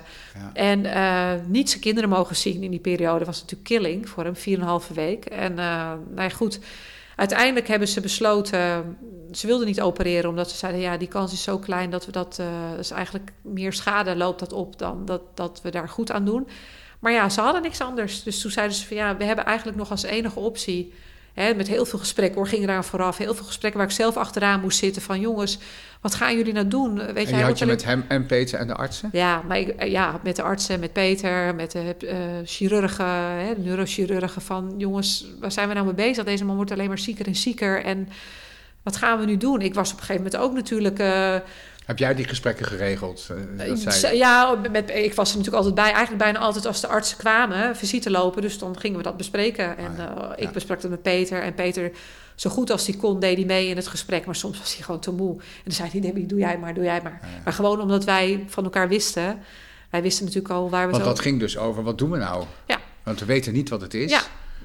En wat, wat we wisten dat het snel groeide, want ze hadden inmiddels ook weer een nieuwe scan gemaakt. En toen zag je ook dat de, de tumor alweer verdubbeld was in drie weken tijd. Dus ja. dan weet je natuurlijk al dat het kwaadaardig is. Dus je hebt er niet veel keus van of ze moeten nu weten wat het is om nog eventueel behandelingen te doen of eventueel bestralingen. Of uh, je doet niks en dan weet je zeker dat het fout gaat. Hè? Want dan is het gewoon een kwestie van afwachten en dan raak je in coma of wat dan ook. En dan ga je alsnog dood. Dus toen heeft Peter uiteindelijk toch besloten van nou, opereer dan maar. Uh, maar goed, toen was het weer wachten. Is er wel plek? Is er geen plek met de corona? Is er een anesthesist? Is er geen anesthesist? Dus we moesten elke keer wachten. Misschien horen we het vanmiddag, misschien horen we het morgen. Misschien... Dus het was weer heel veel stress, omdat je maar aan het afwachten was. Afwachten, afwachten. Gekmakende onzekerheid. Gek, echt waar, werkelijk waar. Ja. En uh, uiteindelijk was dan de beslissing uh, gevallen van dan en dan is er plek. Uh, maar dan moest hij weer getest worden. Heb je geen corona, weet ik veel, allemaal dat soort zooi. En nou, uiteindelijk bleek dus alles, alle voorwaarden waren oké. dus hij kon geopereerd worden. Was het nog wel zo uh, van, er kan altijd nog weer een kink in de kabel komen als een anesthesist weg wordt geroepen. Dus tot op het laatste moment was het spannend. Gaat het door, gaat het niet door? Uiteindelijk is de operatie doorgegaan. Hebben ze natuurlijk zijn schedel uh, een groot deel opengemaakt. En uh, hebben ze voor een groot deel de tumor kunnen verwijderen. Maar niet helemaal, want hij was al verweven natuurlijk in, in goede, goede delen. En ze wilden natuurlijk zo min mogelijk goed weefsel aantasten. Omdat nou, bij alles wat je aanraakt, dan krijg je of uh, ja, uitval, of wat dan ook, op wat voor manier. Ja. Nou, bij hem zat vooral de uitval in zijn, uh, in zijn lijf. Dus niet zozeer in, uh, in, het, in de spraak of wat dan ook, maar wel in, in de uitval van zijn been en zijn arm. Dus ze hadden eigenlijk al gezegd van, nou ja, als we die operatie doen, dan kan je ervan uitgaan dat sowieso je arm voor altijd verlamd is. En je been waarschijnlijk ook. Maar goed, daar had hij zich al lang bij neergelegd. Want hij dacht van, nou ja, als ik dan nog een paar jaar leef... en ik zit in een rolstoel, so be it. Want je gaat steeds meer je grenzen verleggen. Hè? Eerst is het van, je mag niet meer auto rijden. Nou, hartstikke boos en verdrietig. Maakt het niet meer uit. Dan is het, je kan je, je voorlopige... of je je vinger niet meer gebruiken... of je kan je hand niet meer gebruiken of je arm maakt allemaal niet meer uit. Je been niet meer. Voor Wat bleef er over voor hem? Wat was de reden dat hij graag door wilde? Zijn kinderen. Uh, hij had het liefst nog, als, als, hij, uh, zeg maar, als, ze nog, uh, als ze hem nog hadden kunnen helpen, had hij genoegen genomen met verlamd, totale dwarslezing. Maakt niet uit. Als hij alleen nog maar geestelijk zijn kinderen kon zien, had hij genoeg meegenomen. Hoe pijnlijk is het geweest dat hij die, die weken niet heeft kunnen zien? Ja, verschrikkelijk. Moment, verschrikkelijk. Ja. Nee, goed, dat is, ook, dat is denk ik ook het moeilijkste stukje voor hem geweest. Kijk, hij was totaal niet bang om dood te gaan, want die gesprekken hadden wij natuurlijk al heel veel gehad. Hij was ook al heel vaak bezig geweest met: als ik dood ga, ga ik dan euthanasie doen. Dus dat was voor ons uh, meer een uh, formeel iets van: oké, weet je, ik ga die papieren regelen.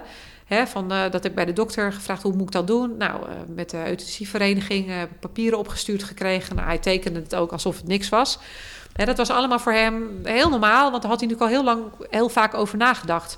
Maar ik dacht, ja, misschien op het moment dat het echt zo is, sta je er anders in. Maar dat had hij dus niet. Hij was heel nuchter. Hij was ook echt niet bang om dood te gaan. Het enige wat hem nekte was zijn kinderen en mij dan, om ons achter te laten.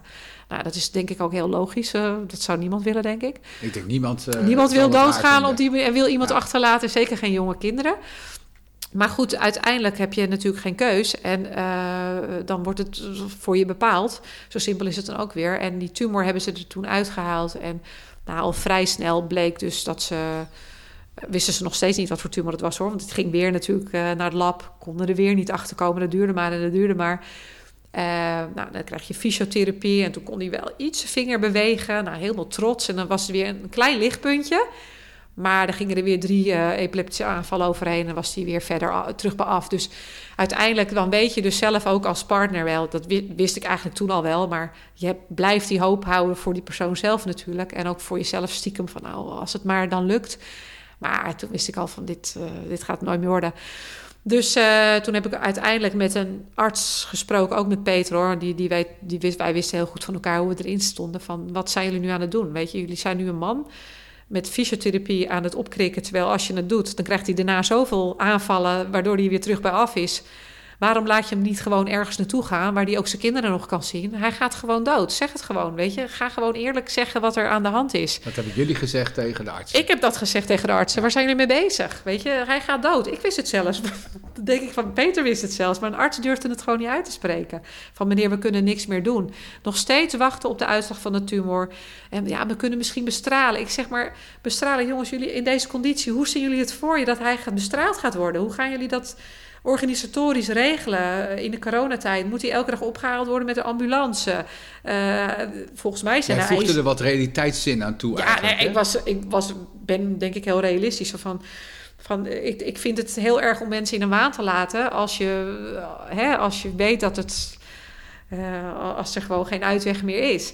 En dan ga je niet iemand belasten met een, met een, met een, met een, met een traject van misschien nog zes keer bestraald worden, met alle gevolgen daarvan. Waar, komt je, waar komt dat vandaan, denk je? Dat die houding er zo zat van we blijven kosten wat het kost, doorgaan met helpen, nou met uh, toekomst uh, in, in de behandeling creëren. Ik denk dat een arts en vooral de, neurochirurg die hebben gesproken, want die was heel positief. Uh, van ja, dan gaan we opereren en dan komt het allemaal goed. Toen zei ik, komt het allemaal goed? Zei ik ook nog tegen hem. Hè? Ik denk niet dat het ooit nog goed goed komt. Misschien is het iets levensverlengend. Ik zeg, maar het komt niet meer goed. Dat moest ik ook nog zeggen tegen de neurochirurg. Ik had echt zoiets van, wat, wat een... Wat een idioterie. Maar die was, dat was een soort blij ei. En dat snap ik ook wel, want die wilde natuurlijk graag opereren. En die had natuurlijk de hoop dat hij daar nog hopelijk iets in kon betekenen. Dus ik snap het van zijn kant natuurlijk wel. Alleen ik denk dat de aanpak niet heel erg handig is. Maar uh, ja, op een gegeven moment, uh, uh, waar wil ik nou naartoe met mijn verhaal? Nou, de vraag was van, wat, wat denk je dat de achtergrond is? Nou ja, dat ze, ik denk gewoon echt dat ze doorgaan tot het bittere eind, omdat ze eh, vanuit hun studie mensen beter willen maken. Ik denk echt dat dat het is en dat het absoluut niet naar bedoeld is, dat ze echt willen helpen. Dat, en, en het is natuurlijk ook best wel een moeilijke boodschap natuurlijk om aan, iemand te brengen. Ik vraag me af, daar zijn ze waarschijnlijk wel in getraind. Dat moet voor hun waarschijnlijk iets minder moeilijk zijn, denk ik, dan als je dat voor de eerste keer doet of dat je dat al honderd keer hebt gedaan. Ik denk dat het gewoon de drang is om iemand toch te willen helpen. Je weet dat er twee jonge kinderen in het spel staan. Ze, hebben mij natuurlijk daar, uh, weet ik veel, acht en een halve week zien rondhuppelen. Ik denk dat dat natuurlijk ook meespeelt. Ze zien een man die ligt te vechten voor zijn leven, die graag wil. Dus dat zal echt wel meespelen. Er komt echt van een goede intentie. Denk Alleen, ja, de uitkomst was voor jullie niet kwaliteit van leven. Wat nou is er gebeurd? Want jij deed echt een appel op kwaliteit van leven. Ja, ik heb echt gezegd van jongens, dit is, wat gaan we nu doen? Weet je, we kunnen fysiotherapie geven. Wat is de volgende stap? Nou, toen kwamen ze van, nou, we kunnen hem naar Heliomare, kan die, of Reade heet het geloof ik, of Heliomare. Ehm, nou ja, toen heb ik voor Heliomare gekozen. Want wat is dat? Dat is een revalidatiecentrum in Wijk aan Zee. Uh, en daar heb ik goede verhalen over gehoord. Dus ik dacht, nou ja, weet je, dan kan die vanuit het ziekenhuis, in ieder geval naar het revalidatiecentrum. In de hoop hè, dat hij dan nog uh, wat kan revalideren en in ieder geval zijn kinderen kan zien. Dan komt hij op een plek waar in ieder geval andere zorg is dan in een ziekenhuis. Want ik snap natuurlijk ook wel dat als je als ze hem niet meer beter kunnen maken, dat dat ziekenhuis niet meer de juiste plek is. Ze hebben zo'n bed gewoon nodig. Zo reëel moet je ook zijn, denk ik. En dat besef ik me donders goed. Hè, ze konden hem niet meer beter maken. Nou, uiteindelijk hebben ze natuurlijk ook wel toegegeven... ja, dit, we kunnen niks meer voor hem nu. Uh, maar toen kwamen ze later ook van... ja, we kiezen er toch niet voor voor heliomare... want heliomare moet je in ieder geval een levensverwachting hebben van een jaar... wil je daar mogen komen. Nou, dat was bij Peter niet reëel. Want Peter die had een grote tumor die snel groeide... waarvan ze niet wisten wat het was, welke vorm... en was helemaal verlamd. Dus ja, daar hoef je ook niet gestudeerd voor te hebben... om te bedenken, dat gaat hij niet een jaar volhouden zo... Dus dat ging ook weer hup van de baan. Daar mocht hij niet heen. Ik zeg, maar wat gaan jullie dan met hem doen? Ik zeg, laat hem dan dichter naar huis komen. Want ik moet ook maar elke keer hierheen. En dat is wel de voor de hand liggende optie dan. Ja, dus ik zeg laat hem dan. Dus hebben ze geregeld uh, dat hij in permanent uh, werd opgenomen in Dijklanden ziekenhuis. Toen mocht hij, heb ik gevraagd: mag hij alsjeblieft een kamer alleen? Dat hebben ze, omdat Peter niet tegen die prikkels kon. Dat hebben ze wel gedaan in Dijkland, uh, Dijklanden ziekenhuis. was hartstikke lief. daar heb ik ook gesprek gehad met de neuroloog. Daar heb ik ook heel duidelijk gezegd van wat, wat is jouw beeld hiervan? Wat moeten we nu verder? Is dit de juiste plek of moet ik de hospice gaan regelen? Zo simpel is het gewoon. Hè? Want, uh, of moet hij thuis of wat dan ook? Wat kunnen we? Uh, de kinderen mogen niet komen. Ik wil, de kind, dat de kinderen Peter zien. Ik wil dat Peter de kinderen ziet. Toen was deze neuroloog was een oudere man. Ik denk dat hij zelf kinderen heeft of kleinkinderen. Dus die was heel erg begaan met ons. En die zei, ik ga voor je regelen dat de kinderen mee mogen. Dus die heeft in de coronatijd geregeld dat ik uh, s'morgens een half uurtje de een uh, mee mocht nemen, het ene kind. En smiddags een half uurtje het andere kind. Maar dat was de tijd ook die we hadden. Dus ik had s'morgens een half uur, smiddags een half uur. Maar geen tijd meer met Peter alleen. Dus alleen met de kinderen.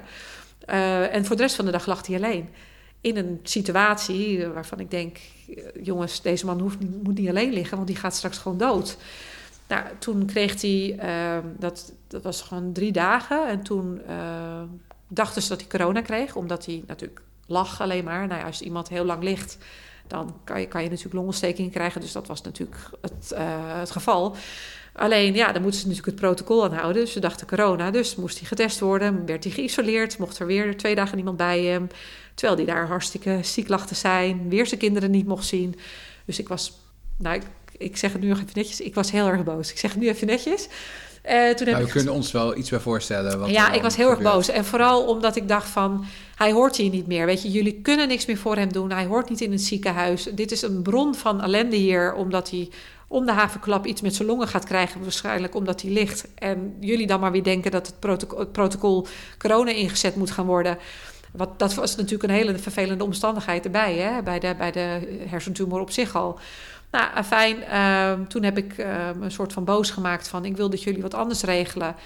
Maar goed, ik had connecties met de hospice... omdat Peters vader daar drieënhalf jaar daarvoor was overleden. Dus ik heb gewoon zelf de hospice opgebeld. Ik zeg, luister, uh, dit, dit is het geval. nou, ze konden ons nog. En zou Peter bij jullie mogen komen? Nou, natuurlijk, we houden een kamer voor hem vrij. En, uh, maar toen was het nog even de vraag, is het corona, is het niet corona? Want als corona was geweest, had hij niet gemogen. Nou, toen bleek dus dat het geen corona was. Dus ik heb meteen vaart erachter gezet. Dan moet hij nu meteen de volgende dag naar jullie toe. Want ik ben als de dood dat er weer wat gebeurt en het wordt weer anders. Weer uh, alleen. Weer ja. alleen. En de plek in de hospice is dan weer weg. En we hadden, Peter en ik hadden al heel duidelijk besproken, hij wil niet naar huis.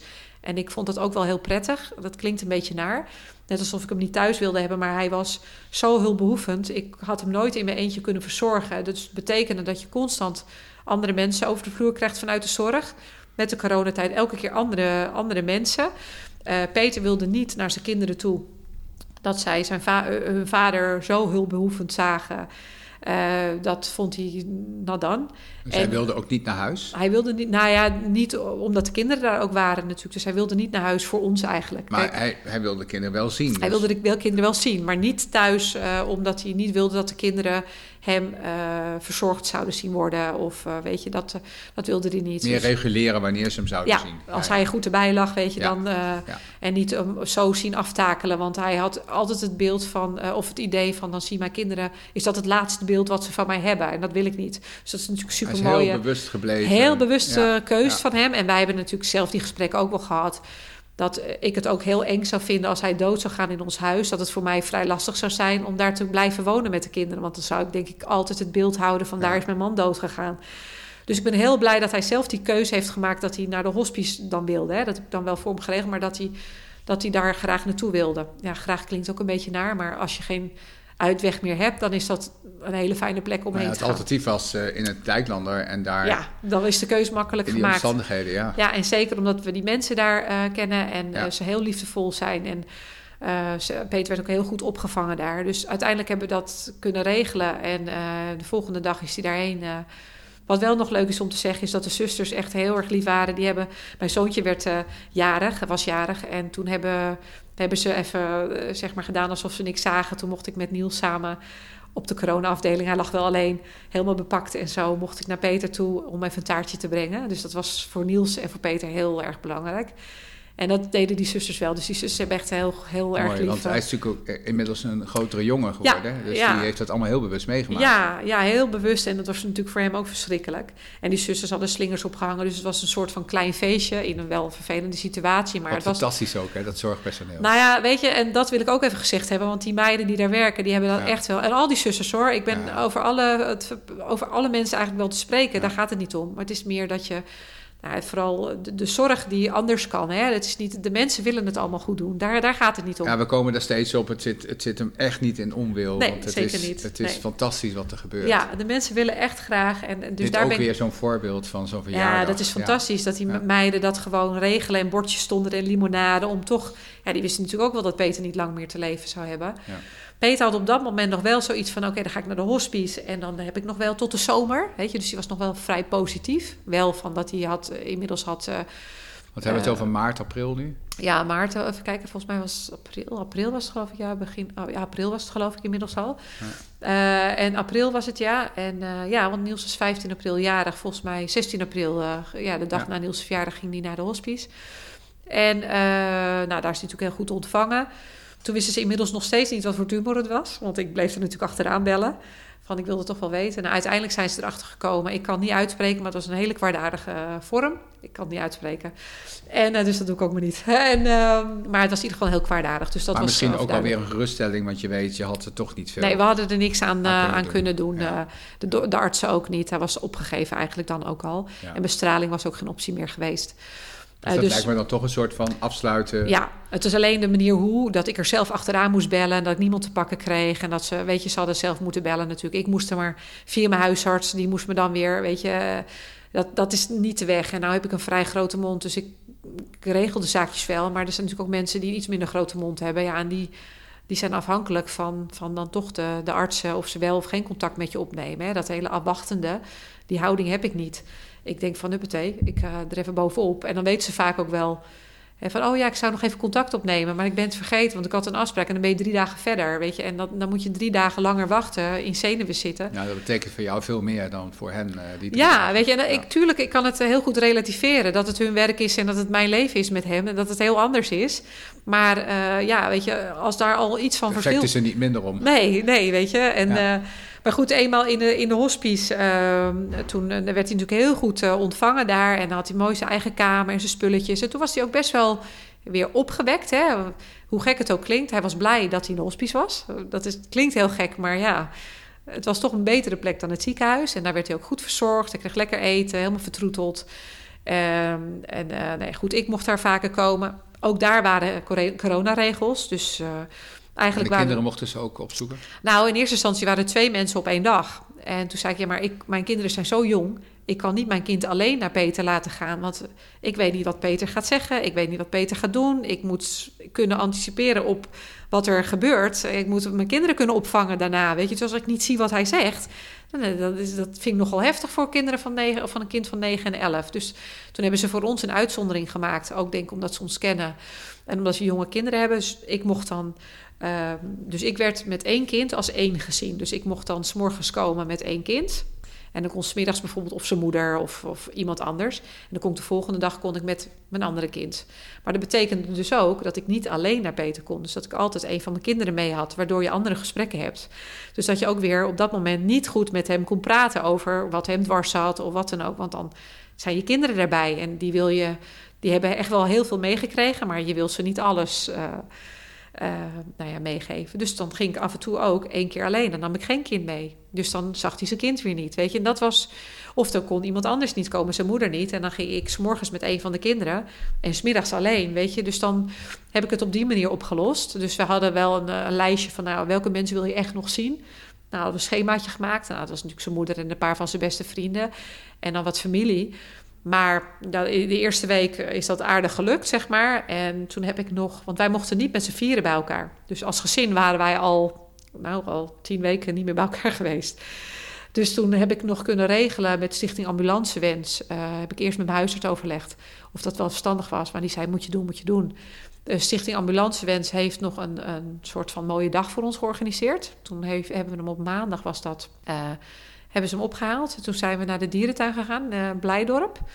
Uh, dat was de, eigenlijk het enige moment zodat we bij elkaar konden zijn. En toen dacht ik, nou, dat is wel handig, want de dierentuin is dicht. Anders had hij het nooit gedaan. Want hij wilde niet als het soort aapje daar uh, bekeken worden door iedereen in zo'n ziekenhuisbed. Maar het hele dierentuin was leeg door de corona. Dus we hadden de hele dierentuin voor onszelf. Met z'n vieren. Met z'n vieren en die twee ah. mensen van de ambulancewens. Dat was fantastisch. Dat was heel mooi. En dat was denk ik ook heel goed geweest voor, voor Peter om zijn kinderen te zien vrolijk en, en hè, bij de dieren en gewoon zoals ze waren. En met z'n vieren. Met z'n vieren. Ondanks dat hij natuurlijk, ik zag natuurlijk echt wel aan zijn ogen dat het in en in triest was eigenlijk. Dat hij lag helemaal in zo'n brancard gewikkeld en uh, hij kon niet plassen en was allemaal moeilijk, moeilijk. Maar hij heeft er eh, wel van genoten, heeft hij ook achteraf wel gezegd, omdat hij zijn kinderen zo zag genieten. En die waren ook niet triest op die dag, omdat die lekker met de dieren bezig waren.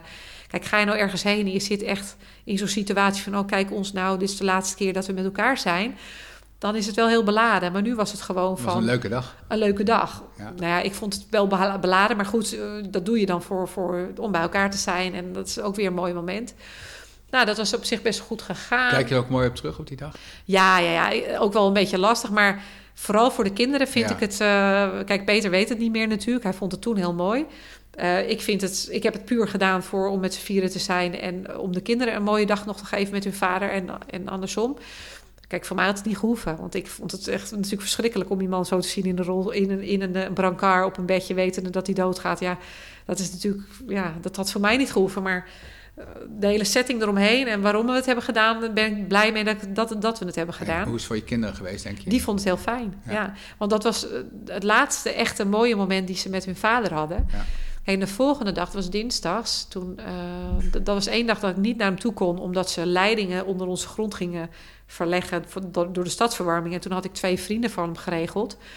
En, uh, maar toen, ben ik, toen waren die gasten net weg met die leidingen. En toen werd ik opgebeld door de, volgens mij de dokter of door iemand van de, van de hospice. Het gaat niet goed, je moet nu komen, dikke paniek. En uh, dus die vrienden snel in de auto afgebeld, ik daarheen. En uh, nou, toen dacht ik echt, nou, gaat nu dood.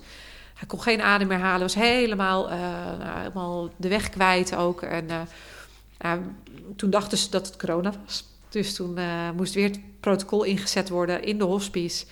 Uh, alles werd geïsoleerd, mocht niemand meer bij. Alleen ik met alle toetsen en bellen en de hulp. Uh, de mensen van de zorg, hè, die dan helemaal bepakt en bezakt waren. De kinderen mochten weer niet meer mee. Dus lag hij daar weer heel ziek te zijn. En toen zei hij van, als hij zo ziek... Nou, toen hebben ze hem allemaal medicijnen gegeven. Hij was paniek, echt een dikke paniek in zijn ogen. Hij dacht ook echt dat hij dood ging. De huisarts was erbij, gelukkig. Dus die heeft zuurstof geregeld daar, weet ik veel allemaal. Nou, achteraf was het waarschijnlijk een uh, urineweginfectie, want hij had een, een katheter gekregen. Uh, voor dat dagje uit. En dat was waarschijnlijk een ontsteking, want er zat bloed bij. En dus waarschijnlijk was dat het geweest. En uh, nou goed, we gingen weer natuurlijk twee dagen overheen voordat die uitslag er was. Nou, uiteindelijk was het geen corona, dus mochten alle toeters en bellen er weer vanaf. En toen mocht ik uh, toch nog met de kinderen langs. Maar toen zei Peter van, het hoeft niet meer voor mij, ik ben klaar. En die beslissing had hij genomen en hij heeft heel vaak aan mij gevraagd: wanneer denk jij nou dat ik, er, uh, dat, dat ik euthanasie ga doen? Wanneer denk je dat het moment is? En toen zei ik van, nou, ik denk dat je het voelt. Ik denk niet dat, dat je dat van tevoren weet. Ik denk dat je op een moment komt op, dat je je zo slecht voelt... dat je denkt van, ja, dit is het. Nou, dat gebeurde dus ook. Dus hij heeft op een gegeven moment gezegd van... Debbie, ga maar een scanarts regelen. Dus ik heb de huisarts uh, laten komen. Dat, daar hebben we een hele goede band mee. Dus die is gekomen en die heeft ook echt gezegd... ja, Peet, weet je het zelf, zeker, we kunnen ook palliatieve sedatie doen... Uh, ook uh, palliatieve sedatie doen. maar dat betekent dat jij niks merkt. Maar degene die gaat waken, dat hij behoorlijk lang kan zitten. En je bent nogal groot, dus dat kan best lang duren. Nou goed, ehm, uh, dus toen zei Peter, dat wil ik niet, ik wil euthanasie. En uh, nou ja, toen zei Tony, uh, zo heet onze huisarts, dat gaan we in werking zetten. En dus dat was volgens mij woensdag. En vrijdag was de scanarts gekomen. Nou, die was er. En nou, dat was overduidelijk, was hij het er mee eens. En Peter was heel stellig daarin van, ja, ik wil gewoon dood, klaar, het is klaar. En vanaf dat moment, toen hij had besloten van ik wil, ik wil, ik wil niet meer, was er ook een andere blik, een andere manier van communiceren hij was gewoon klaar mee. En ik merkte ook wel dat, ik denk de tumor weer aan het groeien was. Dat hij af en toe ook wat waziger werd in zijn gesprekken. Of dat hij tijdens een gesprek heel, hele gekke dingen ineens ging zeggen. Of dat hij zijn tong uit ging steken. Of uh, dat je wat doe jij nou? Ik denk toch al dat die tumor de overhand alweer nam. Dus uh, ik, ik, denk persoonlijk dat als, we, als hij niet hiervoor had gekozen, dat het niet heel veel langer had geduurd voordat hij of in coma was geraakt of dat er iets anders was gebeurd met zijn lijf. Waardoor hij uh, weer een acuut probleem had gehad, waardoor hij alsnog in slaap gemaakt zou worden door, met palliatieve sedatie. Dus ik ben heel trots op hem dat hij die keuze zelf nog heeft kunnen maken. Want dat wilde hij, hè? de regie in zijn eigen handen houden. Dus toen heeft de huisarts echt uh, super, die heeft alles in gang gezet met, samen met de scanarts. En dat was op vrijdag en maandag was de, de datum. Dat was op dodenherdenking. Dus ik zei van nou, je hebt ook wel weer mooi uh, voor elkaar deze datum. Alles weer op halve stok voor jou. Dus hij kon er ook wel weer om lachen. Dus wij konden ook grapjes maken met elkaar hoor. Ook van, nou, wat wil je straks aan, weet je. Dan zei hij van, op de dag dat hij doodging. nou, jee, Debbie, ik ben net omgekleed, net in die lift gehangen. En dan kon ik ook gewoon tegen hem zeggen: Ja, niet nu, maar straks als je in die kist ligt. Weet je, dat soort geintjes konden wij ook maken. Wij, wij waren, wat dat betreft, hadden we ook wel een soort van gekke humor met elkaar. Zo was hij en zo waren wij allebei. Dus dat brak ook wel een beetje het ijs, zeg maar, in zo'n hele nare situatie. En goed, wij hadden de kinderen natuurlijk niet verteld dat dat de datum zou zijn van Peters uh, sterf, dat dat de sterfdag zou worden. Want dat is nog, nogal een bagage die je kinderen meegeeft. Dus wij hebben besloten om. Uh, in eerste instantie zouden we de kinderen niet meer naar hem toe uh, laten gaan. omdat wij wilden dat, dat uitje. Hè, dat uitje was geloof ik de laatste keer dat ze gezien of een dag daarna. Ik weet niet meer. Dat was een mooi moment. Toen dachten we, moeten dat misschien als het laatste moment houden. Maar toch op de, de dag voordat hij stierf, we hebben ons uh, ja, hebben we toch veranderd van gedachten. En toen zeiden we van nee, dat moeten we niet doen, want dat is niet eerlijk. Die kinderen moeten ook nog de kans krijgen hè, om, om hun vader te zien. Maar om ze nou te zeggen, papa gaat vanavond dood, was iets te, iets te heftig. Dus wij hebben gewoon gezegd uh, van, nou, papa gaat niet goed. Hè. Uh, dat wisten ze natuurlijk al, die gesprekken had ik natuurlijk al van tevoren met ze gehad. En ik had al een gesprek gehad dat papa dood zou gaan. Dat had ik natuurlijk al, al eerder gehad met ze. Dus dat wisten ze, maar ze wisten natuurlijk niet wanneer. Dus ik had gezegd, nou, weet je, papa gaat heel slecht. En ik denk, ik denk niet meer dat papa nog heel lang te leven heeft.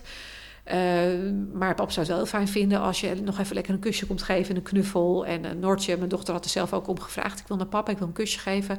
En dat was eigenlijk voor mij de, de ingang om dat toch nog te, te gaan, uh, gaan doen. Toch met Peter besproken, wat vind je ervan? Nou, die vond het toch oké.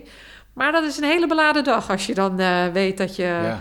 Uh, met je kinderen, hè, sowieso de avond van tevoren, dat je weet van morgen ben je er gewoon niet meer. Maar de, de dag dat je dan s'morgens afspreekt van oké, dan en dan mogen we komen. Hè, om een uur of elf was dat, want dan was Peter helemaal klaar ervoor. Hè, dan wordt hij gewassen en dan is de zorg uh, geweest. Nou, om een uur of elf ga ik met de kinderen daar naartoe. Ik moet doen alsof er niks aan de hand is. De kinderen weten van niks. En dan moet je daar gaan, nou ja, uh, papa lekker een kus geven. We gaan lekker bij papa liggen nu. Ik heb nog wat foto's gemaakt met de wetenschap. Ik moet je daar straks wegtrekken. En papa gaat dood, je ziet hem nooit meer terug dat was wel echt, het, denk ik, wel eh, het moeilijkste moment uh, van die dag. Sorry. Ja, dat is heel begrijpelijk. Wat sorry, je sorry, sorry. Maar dat goed, het, dat het heel ik herpak me even weer. Maar uh, op zich ging het oké. Okay. Peter was wel emotioneel, maar die was echt super sterk. Echt super knap van hem. Maar de tranen in, de, in zijn ogen, natuurlijk, de emoties zag ik natuurlijk wel. En ze, gingen, ze voelden het denk ik ook gewoon echt. Want ze gingen helemaal tegen hem aan liggen. Dus onbewust denk ik dat kinderen toch echt wel voelen van dit is misschien wel de laatste keer. Ook al hadden we dat niet zo specifiek benoemd. Sommige dingen hoef je niet uit te leggen. Nee, dat, dat gaat dus gewoon zo. En nou, uiteindelijk moet je dan natuurlijk op een gegeven moment zeggen... jongens, geef papa lekker een knuffel, een kus... want ik moet jullie naar opa en oma brengen en bla bla bla. Nou ja, dat is natuurlijk heel lastig en dat, dat deden ze keurig. En nou ja, die blik van Peter vergeet ik nooit meer. Ja, dat is natuurlijk verschrikkelijk. Maar goed, uiteindelijk heb ik ze naar huis gebracht. En, uh, ben ik teruggegaan. Nou ja, goed, en dan zit je zo'n laatste, ja, wat was het? Was inmiddels half één, geloof ik. Te wachten tot een uur of vijf, want dan komt de dokter. Maar ja, dan lig je eigenlijk te wachten op je dood. Zo simpel is het. Tenminste, hij ligt te wachten op zijn dood. Ik lig te wachten op dat de dokter komt en dat hij doodgaat. Nou goed, dan hebben we het bordje op bezet gezet. Dat is op de gang, dus er kon ook niemand verder bij. Dus het was echt Peter en ik. En alleen de mensen die noodzakelijk waren voor de verzorging. Peter die moest elke keer plassen en uh, ontlasting had hij. Maar die signalen waren natuurlijk helemaal verstoord. Dus ik was eigenlijk alleen maar bezig om hem nog aan te leggen aan een fles... of om hem wat eten te geven om hem rustig te houden. Uh, en uh, dat, dat is wat je dan doet. Het laatste uur, zeg maar, voordat de dokter kwam... was hij vooral een beetje aan het slapen, denk ik. Een beetje zijn ogen dicht. En ik, zat, ik lag een beetje bij hem. Hebben nog wat selfies gemaakt. vond hij leuk, weet je. Ik denk, nou oké, okay, ben ik nu heel blij mee trouwens... En uh, ja, goed, en toen gingen ze het infuus doorspoelen. En toen bleek dus dat het infuus uh, niet goed meer werkte. En ze kunnen hem heel moeilijk prikken. Dus toen moest er tien minuten voordat de euthanasie werd uh, toegepast... moest er nog een ambulance komen om zijn infuus weer opnieuw erin te, te zetten. En daar baalde hij enorm van, was hij heel boos over. Nou, toen heb ik hem wel redelijk snel rustig gekregen. Zo van, nou weet je, je kan er niks meer veranderen, weet je. Straks is het klaar, nog tien minuutjes is de dokter er en dan is het over, dan ben je er vanaf. Nou goed, en toen kwam de dokter en nou goed, is een wereldvent, gelukkig. En, uh, want we wilden ook niets uh, liever dan dat hij het zou doen. Nou ja, goed, dan legt hij die drie spuiten neer en dan is het, uh, dat is dan het spul waar ze dan Peter mee laten inslapen. Het was ook heel goed uitgelegd van tevoren hoe dat ging. En dan uh, Van Wiering, ons huisarts, die heeft natuurlijk nog even een social praatje met Peter gedaan. Of hij het echt wel wil. Hè? Want dan moet je natuurlijk vragen, wil je, weet je het zeker? Wil je echt met mij nog even zitten kletsen met Peter? Nog even zitten kletsen? Nou, en op een gegeven moment zegt Peter, ik ben er klaar voor, gooi het er maar in. Hij heeft nog wat tegen mij gezegd, ik heb nog geknuffeld. Hij lag in mijn armen. En uh, Peter zegt, doe het er maar in. En nou, hij had van tevoren al tegen mij gezegd, ik wil graag dat je me zo vasthoudt. Ik wil graag, dus dat had hij helemaal geregisseerd zelf. En Peter dan. En, dus dat heb ik ook gedaan. En nou goed, die eerste vloeistof ging erin. Dat was een slaapmiddel. Nou, dan ging die eigenlijk, is hij daar al op, heel diep op ingeslapen. En dan gaat zo'n tweede middel erin, een soort diepe coma. En daar is hij al op gestorven. Ging heel snel, ik denk binnen een minuut. En nou ja, goed, en dat derde vloeistof doen ze er dan nog in, zeg om de spieren helemaal lam te leggen. Maar hij was eigenlijk na de tweede spuit al overleden. Nee, goed, ja, ik heb toen nog met de, de dokter deed het echt fantastisch. Ze heeft nog echt wel twintig minuten zeker met mij zitten kletsen. Ik had Peter gewoon in mijn armen. Alsof, dat had ik van tevoren nooit gedacht. Ik dacht, dat durf ik nooit. Een dode man in mijn armen. Maar als het je eigen man is, durf je dat dus gewoon wel. En dat was heel fijn. En uh, nee, goed. Ja, dan, uh, dan is hij gewoon dood. Ja, zo simpel is het. Jongen, ja, verhaal. dat was het verhaal. Uh, ja. En goed, ja, dan ook door die corona is het natuurlijk vervelend, want je mag niet zoveel. Ik was daar dus natuurlijk alleen. En uh, achteraf, later wist ik pas dat mijn vrienden buiten stonden. Mijn vriendinnen stonden buiten om me te wachten. En de beste vriend en de, en de vriendin van uh, Peter. Maar dat wist ik toen nog niet echt. Uh, maar het is heel moeilijk dat je dus op zo'n moment, door die corona niemand binnen mocht komen, sta je daar dus gewoon alleen eigenlijk. Hè? Wel met de dokter en met de, de zuster van de super lieve mensen allemaal en de, en de, mevrouw van de hospice even Marieke, sorry. Eh, ben ik, was even de naam kwijt. En uh, super lief, die hebben me heel hartstikke goed begeleid. Maar je staat er wel alleen, want niemand mocht mij de hand vasthouden, mocht me knuffelen. Dus je ligt je zit daar met je dode man. En uh, iedereen ging zijn ding doen, want ja, de, de, dokter moet zijn papierwerk natuurlijk in orde maken. De verpleegster gaat weer wat anders doen, die gaat weer wat anders doen. Dus dan zit je daar alleen. Ja. Je zit echt alleen met je dode man. Dan denk ik, ja, oké, okay, dit is het dan, weet je. En ik had van tevoren natuurlijk wel geregeld dat er een kist zou komen. En niet dat hij in een lijkenzak zou opgaan, want zo noem ik dat dan, zo'n lijkenzak. Dat vind ik verschrikkelijk. Dus ik had bloemen, mijn vriendin had bloemen voor me geregeld. Dat hij wel een beetje menswaardig de deur uit zou gaan. Nou goed, dan komt er ook weer een arts controleren. Ik ben even de naam kwijt van zo'n arts, uh, ook een soort scanarts, denk ik, of zo. Uh, die komt dan echt kijken of het gegaan is zoals, hè, zoals afgesproken ja. met euthanasie. Nou, als die dan uh, Peter uh, uh, vrijgeeft, noem maar, die heeft hem doodverklaard. En dan toen op dat moment mocht ik de, de uitvaartorganisatie bellen die ik had ge, ge, geregeld. En ik had met haar al het een en ander doorgesproken, dus dat scheelt. Dus ik had, ik had er al gesproken. Nou, die waren er ook heel snel, ik denk binnen een half uur of zo. En die hadden een mooie kist mee en twee hele fijne mensen die ook hielpen met het wassen en dat soort dingen. Die hebben hem al keurig in de kist gelegd. Nou, ik ben eigenlijk overal bij geweest, behalve dan dat ze zo'n stikje is, uh, zo'n zo, mond dichtnaaien. Ik zeg, dat hoef ik niet te zien. En verder hebben ze hem keurig in de kist gelegd. En uh, nou ja, en dan, uh, Peter was heel duidelijk, ik wil niet dat iemand in mijn kist kijkt. En we hadden dat van tevoren al met de kinderen besproken. Willen jullie papa zien als hij is overleden? Nou, dat wilden ze niet. Nou, zijn moeder wilde dat ook verder niet. Dus toen hebben we gezegd van, dan gaat die kist dicht en die gaat ook niet meer open. Uh, dus dat was het laatste moment dat ik met die mensen was. Ja, dan ligt je man daar. Ja, en uh, ja, het klinkt heel gek, maar op het moment dat iemand dood is, tenminste, dat, zo werkt het voor mij, dan is iemand er niet meer. Wij, wij geloven allebei niet in het leven na de dood. Dus het was gewoon een omhulsel natuurlijk, zijn lichaam. En verder is, ja, hij werd ook koud, al, het was ook anders. Dus ik heb uh, netjes in de kist natuurlijk even gezorgd dat alle dingetjes die wij mee wilden geven, dat het erin lag. Knuffeltjes van de kinderen, hè, wat we hadden afgesproken en zo. Nou ja, goed, en dan heb ik gewoon gezegd, ja, doe de kist maar dicht. En uh, toen waren ze van de hospice wel zo lief dat ze de... Ze hebben altijd een soort... Uh, ja, dat doen ze normaal in de, in de hal. Dan branden ze een kaarsje voor iemand en dan doen ze een gedichtje. En dan, uh, dan wordt iemand opgehaald met, uh, met, uh, met de rouwauto. Maar nu, omdat ze wisten dat er mensen buiten stonden voor mij, dat was super lief, hebben ze het buiten gedaan. Dus toen hebben ze de, mocht ik naar buiten. En dan hebben ze de kist naar buiten gereden. En dan heb je al van die knop, hè, dat je de kist kan dichtdraaien. En er waren er precies uh, genoeg voor, voor de mensen die voor mij er waren. En nog twee extra voor de kinderen. Die, dat ze dat dan op een ander moment mochten doen. Dus maar dat was wel heel mooi. Dus toen mochten die mensen toch eventjes een soort van iets met mij samen doen. En uh, die hebben ook geholpen dan om de kist in de auto te duwen. En die zijn ook met mij achter die auto een stukje aangelopen. Dat is dan zo'n ritueel wat ze dan doen netjes. Een gedichtje is voorgelezen. En dat was wel super fijn natuurlijk dat die mensen er waren. Dat daar niet ook daar nog weer helemaal alleen in stond. Want dat het voelde wel door de corona heel erg eenzaam, zeg maar. Want het is natuurlijk heel gek dat je je man doodgaat en dat je gewoon niemand kan knuffelen. Dat ja, je gewoon. Dat het is heel uh, eenzaam, weet je. Je kan eenzaam. niemand. Uh, Ja. Ik ben ook wel echt wel daar een stuk harder door geworden. Uh, maar je kon niemand vasthouden. Ja, Ja. Dat, dat mocht gewoon niet. Weet je? En, En daar heb je eh, dan juist een behoefte aan. nou ja, ja. En normaal is zo'n situatie natuurlijk al hartverscheurend. Maar door zo'n corona die er bovenop komt, is het bijna onmenselijk geworden. Hè? Door, doordat je geen contact mag hebben met iemand. Terwijl je dat juist zo nodig hebt. Nou ja, goed. En dat, uh, uiteindelijk is hij natuurlijk weggereden naar, naar de begraafplaats, of de crematie waarin gecremeerd wordt. Werd in Hierugwaard. En uh, dat hadden we ook afgesproken.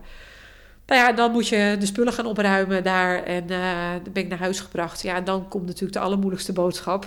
Ja, dan moet je het je kinderen gaan vertellen. Dat was natuurlijk hartstikke moeilijk. Maar uh, het gek genoeg is dat ze het meteen wisten. Ik zei, jongens, ik moet jullie wat vertellen. Het eerste wat ze zeiden is, papa is dood. Dus, dus wat ik al zei, ze hebben het gewoon gevoeld. Ja. En uh, dat maakt het wel iets minder moeilijk om te vertellen, omdat ze er zelf al mee kwamen. Dus ik kon daar heel mooi op inspelen. En mijn vader was er gelukkig met mijn stiefmoeder. Dus die konden er ook een beetje bij blijven. Want ik wist natuurlijk niet hoe ze zouden gaan reageren. En, uh, maar ze waren eigenlijk echt super stoere kinderen, heb ik. Echt waar. Ik ben heel trots op ze. Dus ze waren wel heel verdrietig, maar heel ja, weet je, ze kwam ook lekker bij me knuffelen en huilen, maar ook gewoon vragen stellen, weet je. Dus dat was, ja, ik denk door dat hele proces wat we met elkaar hebben gehad en ik het altijd wel benoemd heb, hè, wat er speelde en uh, op, op kindniveau natuurlijk, dat ze er ook in mee zijn gegroeid. Hè. Hoe moeilijk het dan natuurlijk ook is voor kinderen. Kijk, wij als volwassenen kunnen dat toch best wel goed relativeren, hè, door tenminste hoop ik, de meeste mensen, dat zal wel heel fijn zijn, van dat het leven nou eenmaal zo in elkaar zit, dat je daar niks, daar heb je geen keuze in hoe verdrietig ook. Maar voor een kind is dat natuurlijk heel moeilijk uh, te beseffen van wat dat inhoudt. Dood is sowieso natuurlijk als je negen bent iets wat je, nou ja, wat heel moeilijk te begrijpen is. Het begint een beetje op die leeftijd te komen van dat ze dat een beetje gaan snappen. Maar dat is natuurlijk heel moeilijk. En als je dat dan meteen zo meemaakt met je vader en dan uh, en Niels die is natuurlijk elf en die ja, die ging uh, daar, ja, die snapte het even iets beter. Maar dat is voor kinderen natuurlijk uh, dramatisch. Dat wil je, je kinderen wil je daarvoor beschermen. Maar ja, dat zie je, dat is leven, dat kan niet.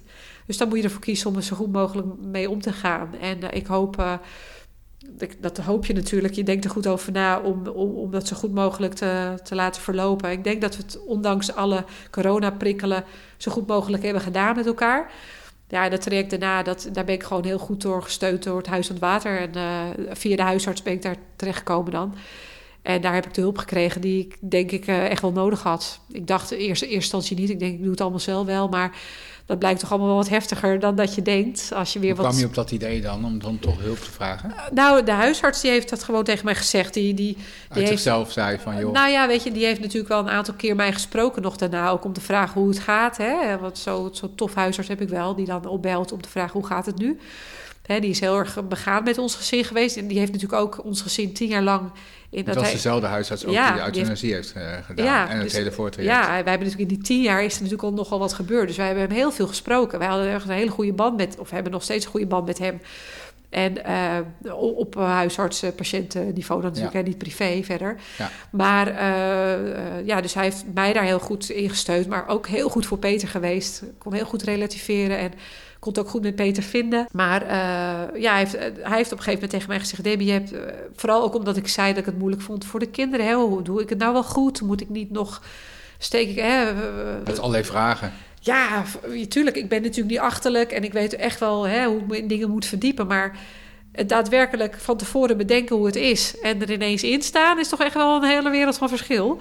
En zeker omdat je eigen verdriet ook nog komt kijken met alles wat je daarna moet regelen. Want dat is natuurlijk ook een heel traject met alle administratie, wat er op je afkomt, et cetera. Uh, gelukkig heeft mijn vader me heel erg gesteund daarin. Met, uh, die heeft heel veel geholpen met administratie. En uh, ik heb lieve vrienden en familie die me heel erg gesteund hebben. en vooral het werk van Peter ook. mensen die daar nou ja, goed, uh, als een heel warm bad heb ik dat ervaren. Van alle kanten in de coronatijd kwam de hulp uh, op allerlei verschillende manieren. Maar ja, dat, dat is heel, heel fijn geweest. En, en de huisarts heeft gewoon gezegd: je hebt hulp nodig. Want dat kan je gewoon niet allemaal alleen. Je wil het allemaal alleen doen, maar dat kan niet. En ik weet wel goed iets. En huis aan het water, neem contact op. En nou ja, goed, dat heb ik gedaan. En toen kwam ik bij Mattie Hakvoort terecht. En die nou ja, die heeft ook ervoor gezorgd uh, dat ik uh, bij Mira terecht kwam met de kinderen. Dus Mira helpt mij met, uh, met de, de, opvang. Hè? Hoe ga je om met rouwverwerking met kinderen? die helpt mij daarbij. Dus die helpt de kinderen, maar die helpt mij ook. Hè? Dus je hebt ook oudergesprekken. dat, je, dat je gewoon vragen kan stellen. Dat je op het goede, de goede weg blijft. En Mattie helpt mij meer in, mijn stukje verdriet, zeg maar. Als ik vragen heb over de kinderen, beantwoord, beantwoordt hij die ook. Maar het gaat vooral over mijn uh, rol daarin. Jouw verwerking. Mijn verwerking en hoe ik daarin sta en hoe ik daar nu, hè, hoe ik daarmee omga, et cetera. Dus dat is super fijn en daar ben ik uh, heel dankbaar voor en het uh, helpt me echt. En hij had me al van tevoren een beetje verteld van nou, zo ongeveer gaat het lopen. Nou, dat klopt ook. ik dacht nog van nou, dat is vast niet bij mij Je zo. Je past in het plaatje. Ik pas wel in het plaatje. Ja, ik pas wel in het plaatje, ja. En het is gewoon een rouwverwerking is wel individueel, denk ik, maar wel uh, in grote lijnen, denk ik wel. De, de fases die je doorloopt, zijn denk ik wel uh, en Als ik dan nu aan je vraag van hoe gaat het nu met je? Nou, ik uh, had vorige maand een behoorlijke boze fase, denk ik wel. Dat ik echt wel flink boos was op alles. en daarvoor was ik vooral heel verdrietig. Hè. En nu zit ik meer in het...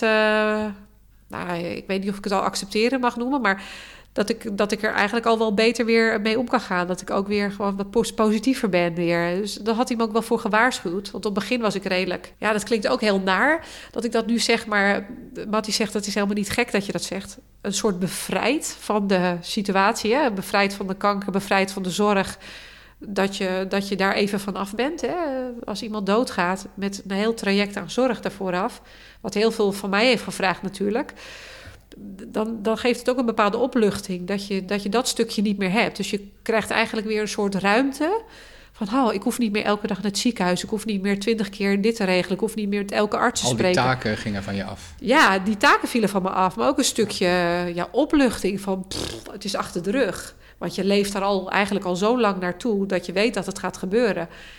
Maar daarentegen komt er natuurlijk een stukje gemis voor terug. En een stukje schuldgevoel dat je dat, dat, je dat gevoel hebt. Weet je? Er komen natuurlijk andere gevoelens voor in de plaats. En dat is iets waar, waar Mattie mij heel goed bij helpt. Want je kan dit, dit, wat er gebeurd is in die tien jaar... Dan zou je wel heel sterk moeten zijn dat, dat het je niks zou doen. Of je zou geen geweten moeten hebben of wat dan ook. Of geen gevoel moeten hebben. Tuurlijk doet dat. Tien jaar deze ellende doet heel veel met je. En ik denk dat ik uh, best heel sterk ben. Dat kan ik wel zeggen als ik zie hoe ik me daar die tien jaar doorheen heb geslagen. Als ik vanuit mezelf praat. Hè. Dan heb ik het niet over Peter, maar hoe Peter erin stond. Want die was echt sterk. Maar als ik dan als, als partner van, denk ik dat, dat ik daar echt wel trots op mag zijn. En ik heb hem tot het bittere nou, dat denk ik ook. Uh, wat heeft verzorgd en geholpen. Dus dat, dat, dat stukje, dat, daar ben ik ook wel blij mee dat ik dat altijd heb kunnen doen. En dat ik nooit de handdoek in de ring heb gegooid. Terwijl ik echt wel momenten heb gehad van, oh, ik kan geen kanker meer zien. Want, hè, want zo ga je dan op een gegeven moment denken. Natuurlijk heb ik ook mijn hele zwakke momenten gehad. En Peter ook. Weet je, dat je echt er klaar mee bent met die ellende. Maar toch altijd weer die kracht terug kunnen vinden. Om, om, omdat je zo van iemand houdt. Omdat iemand je beste vriend is. Omdat het je vader van je kinderen is. Toch weer, ja, toch dat toch weer op te pakken. Ja, dus dat, dat doe je gewoon. Tenminste, ik wel. Ja. ik hoop ook dat iedereen uh, die in zo'n situatie zit dat voor zijn partner doet. Ja, ik zou het zelf ook heel fijn vinden als je zelf zo'n situatie komt. Ja. Kijk, je moet heel reëel zijn. Eén op de drie mensen krijgt geloof ik kanker. Dus de kans dat je het krijgt is best wel groot. Hoe fijn is het dat degene die van je houdt... Hè, ernaast staat. Zoals jij dat gedaan hebt. Ja, nou ja, ja ik hoop dat het... Uh, hij heeft het in ieder geval wel zo ervaren. Ja, en dat is waar het om gaat. Ja, en uh, ik heb het zelf zo ervaren. Dat, daar kan ik mezelf altijd recht voor in de spiegel blijven kijken. Kijk, en dat stukje gemis, ja, dat, dat is er natuurlijk. Ja, dat, ik zou zeker gek zijn dat ik zeg, uh, dat is er niet. Tuurlijk is dat er. Ja. Maar goed, dat, daar, dat is gewoon rouwverwerking. Dat heeft tijd nodig, ja. ja. En zo te horen heb je goede begeleiding. Ja, zeker, zeker. En, en je kinderen ook? Ook. En, en ik, vind, ik vind het stukje wat, wat rouw betreft, rouwverwerking betreft naar je kinderen toe. Weet je, kijk, je kan zelf uh, nog zo stoer zijn of sterk. Of je een keertje dat je denkt van... Hey, ik heb de hele dag al best, best een leuke dag. Hè? Van, nou. Maar als je kind dan weer verdrietig is... Dat is toch wel het ergste. Ik vind, bij mezelf kan ik het nog wel wegstoppen. Zo van, nou oké, weet je, het is er en dat mag ook. Maar als je je kinderen zo verdrietig ziet... Ja. Dat, dat blijft een, een worsteling, weet je. Dat, eh, dat, ja, dat, dat, ja, dat wordt natuurlijk minder. Maar uiteindelijk zullen ze hun hele leven natuurlijk een vader missen. En dat zal natuurlijk beter worden op sommige momenten. Dat ze er beter mee om leren gaan.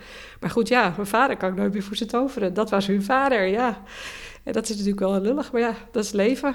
Ja, dat, uh, dat is iets... Uh, waar ik hoop dat ik juist door het Huis het Water, die me zo helpen daarbij, dat je, dat je in ieder geval het juiste uh, rouwverwerkingstraject afloopt. Hè? Kijk, je weet natuurlijk nooit hoe dat, uh, hoe dat gaat uitpakken. En ze krijgen vast allerlei momenten in hun leven nog, op welke leeftijd dan ook, dat ze, nou ja, dat ze hier last van gaan krijgen of dat ze hun vader gaan missen. En dan zal je ook misschien weer extra hulp moeten gaan inzetten. Of misschien niet, je weet natuurlijk niet hoe ze ermee omgaan.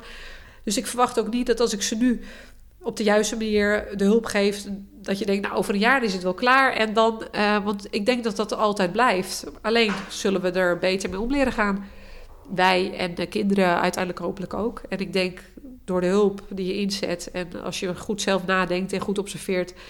En dat gewoon. Uh, dat je de mensen tot je neemt die, die je kunnen helpen. Dat dat het belangrijkste is. Maar dat, ja, als de kinderen in het spel zijn, is het altijd moeilijk. Ja dat, is voor elk probleem natuurlijk. Iedereen zal dat begrijpen. En uh, met hier en daar natuurlijk echt wel hele moeilijke momenten die ze hebben. Ja, dat ze toch weer...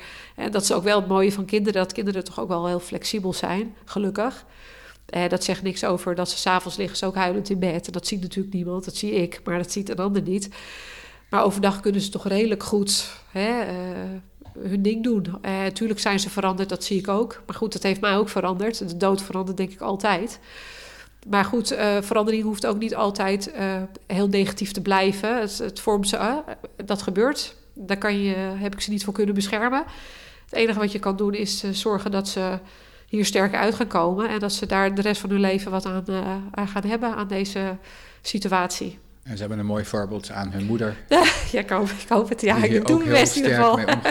Ja. ik doe mijn best, maar uh, ja, dat moet nog blijken natuurlijk in de toekomst of dat echt zo is. Maar voor nu denk ik dat we, dat we met, met z'n drietjes en de mensen om ons heen... dat we best wel trots kunnen zijn. Ja. ja. ja. Dus dat is een beetje het verhaal. Het is een behoorlijk uh, lang verhaal geworden toch? Nou, het is al helemaal donker buiten. Dankjewel Debbie ja. voor uh, je openhartigheid en om dit zo te delen met iedereen die luistert. Uh, en heel veel sterkte in de komende maanden, jaren. Ja, hartstikke bedankt. En heel fijn dat ik dit heb mogen doen.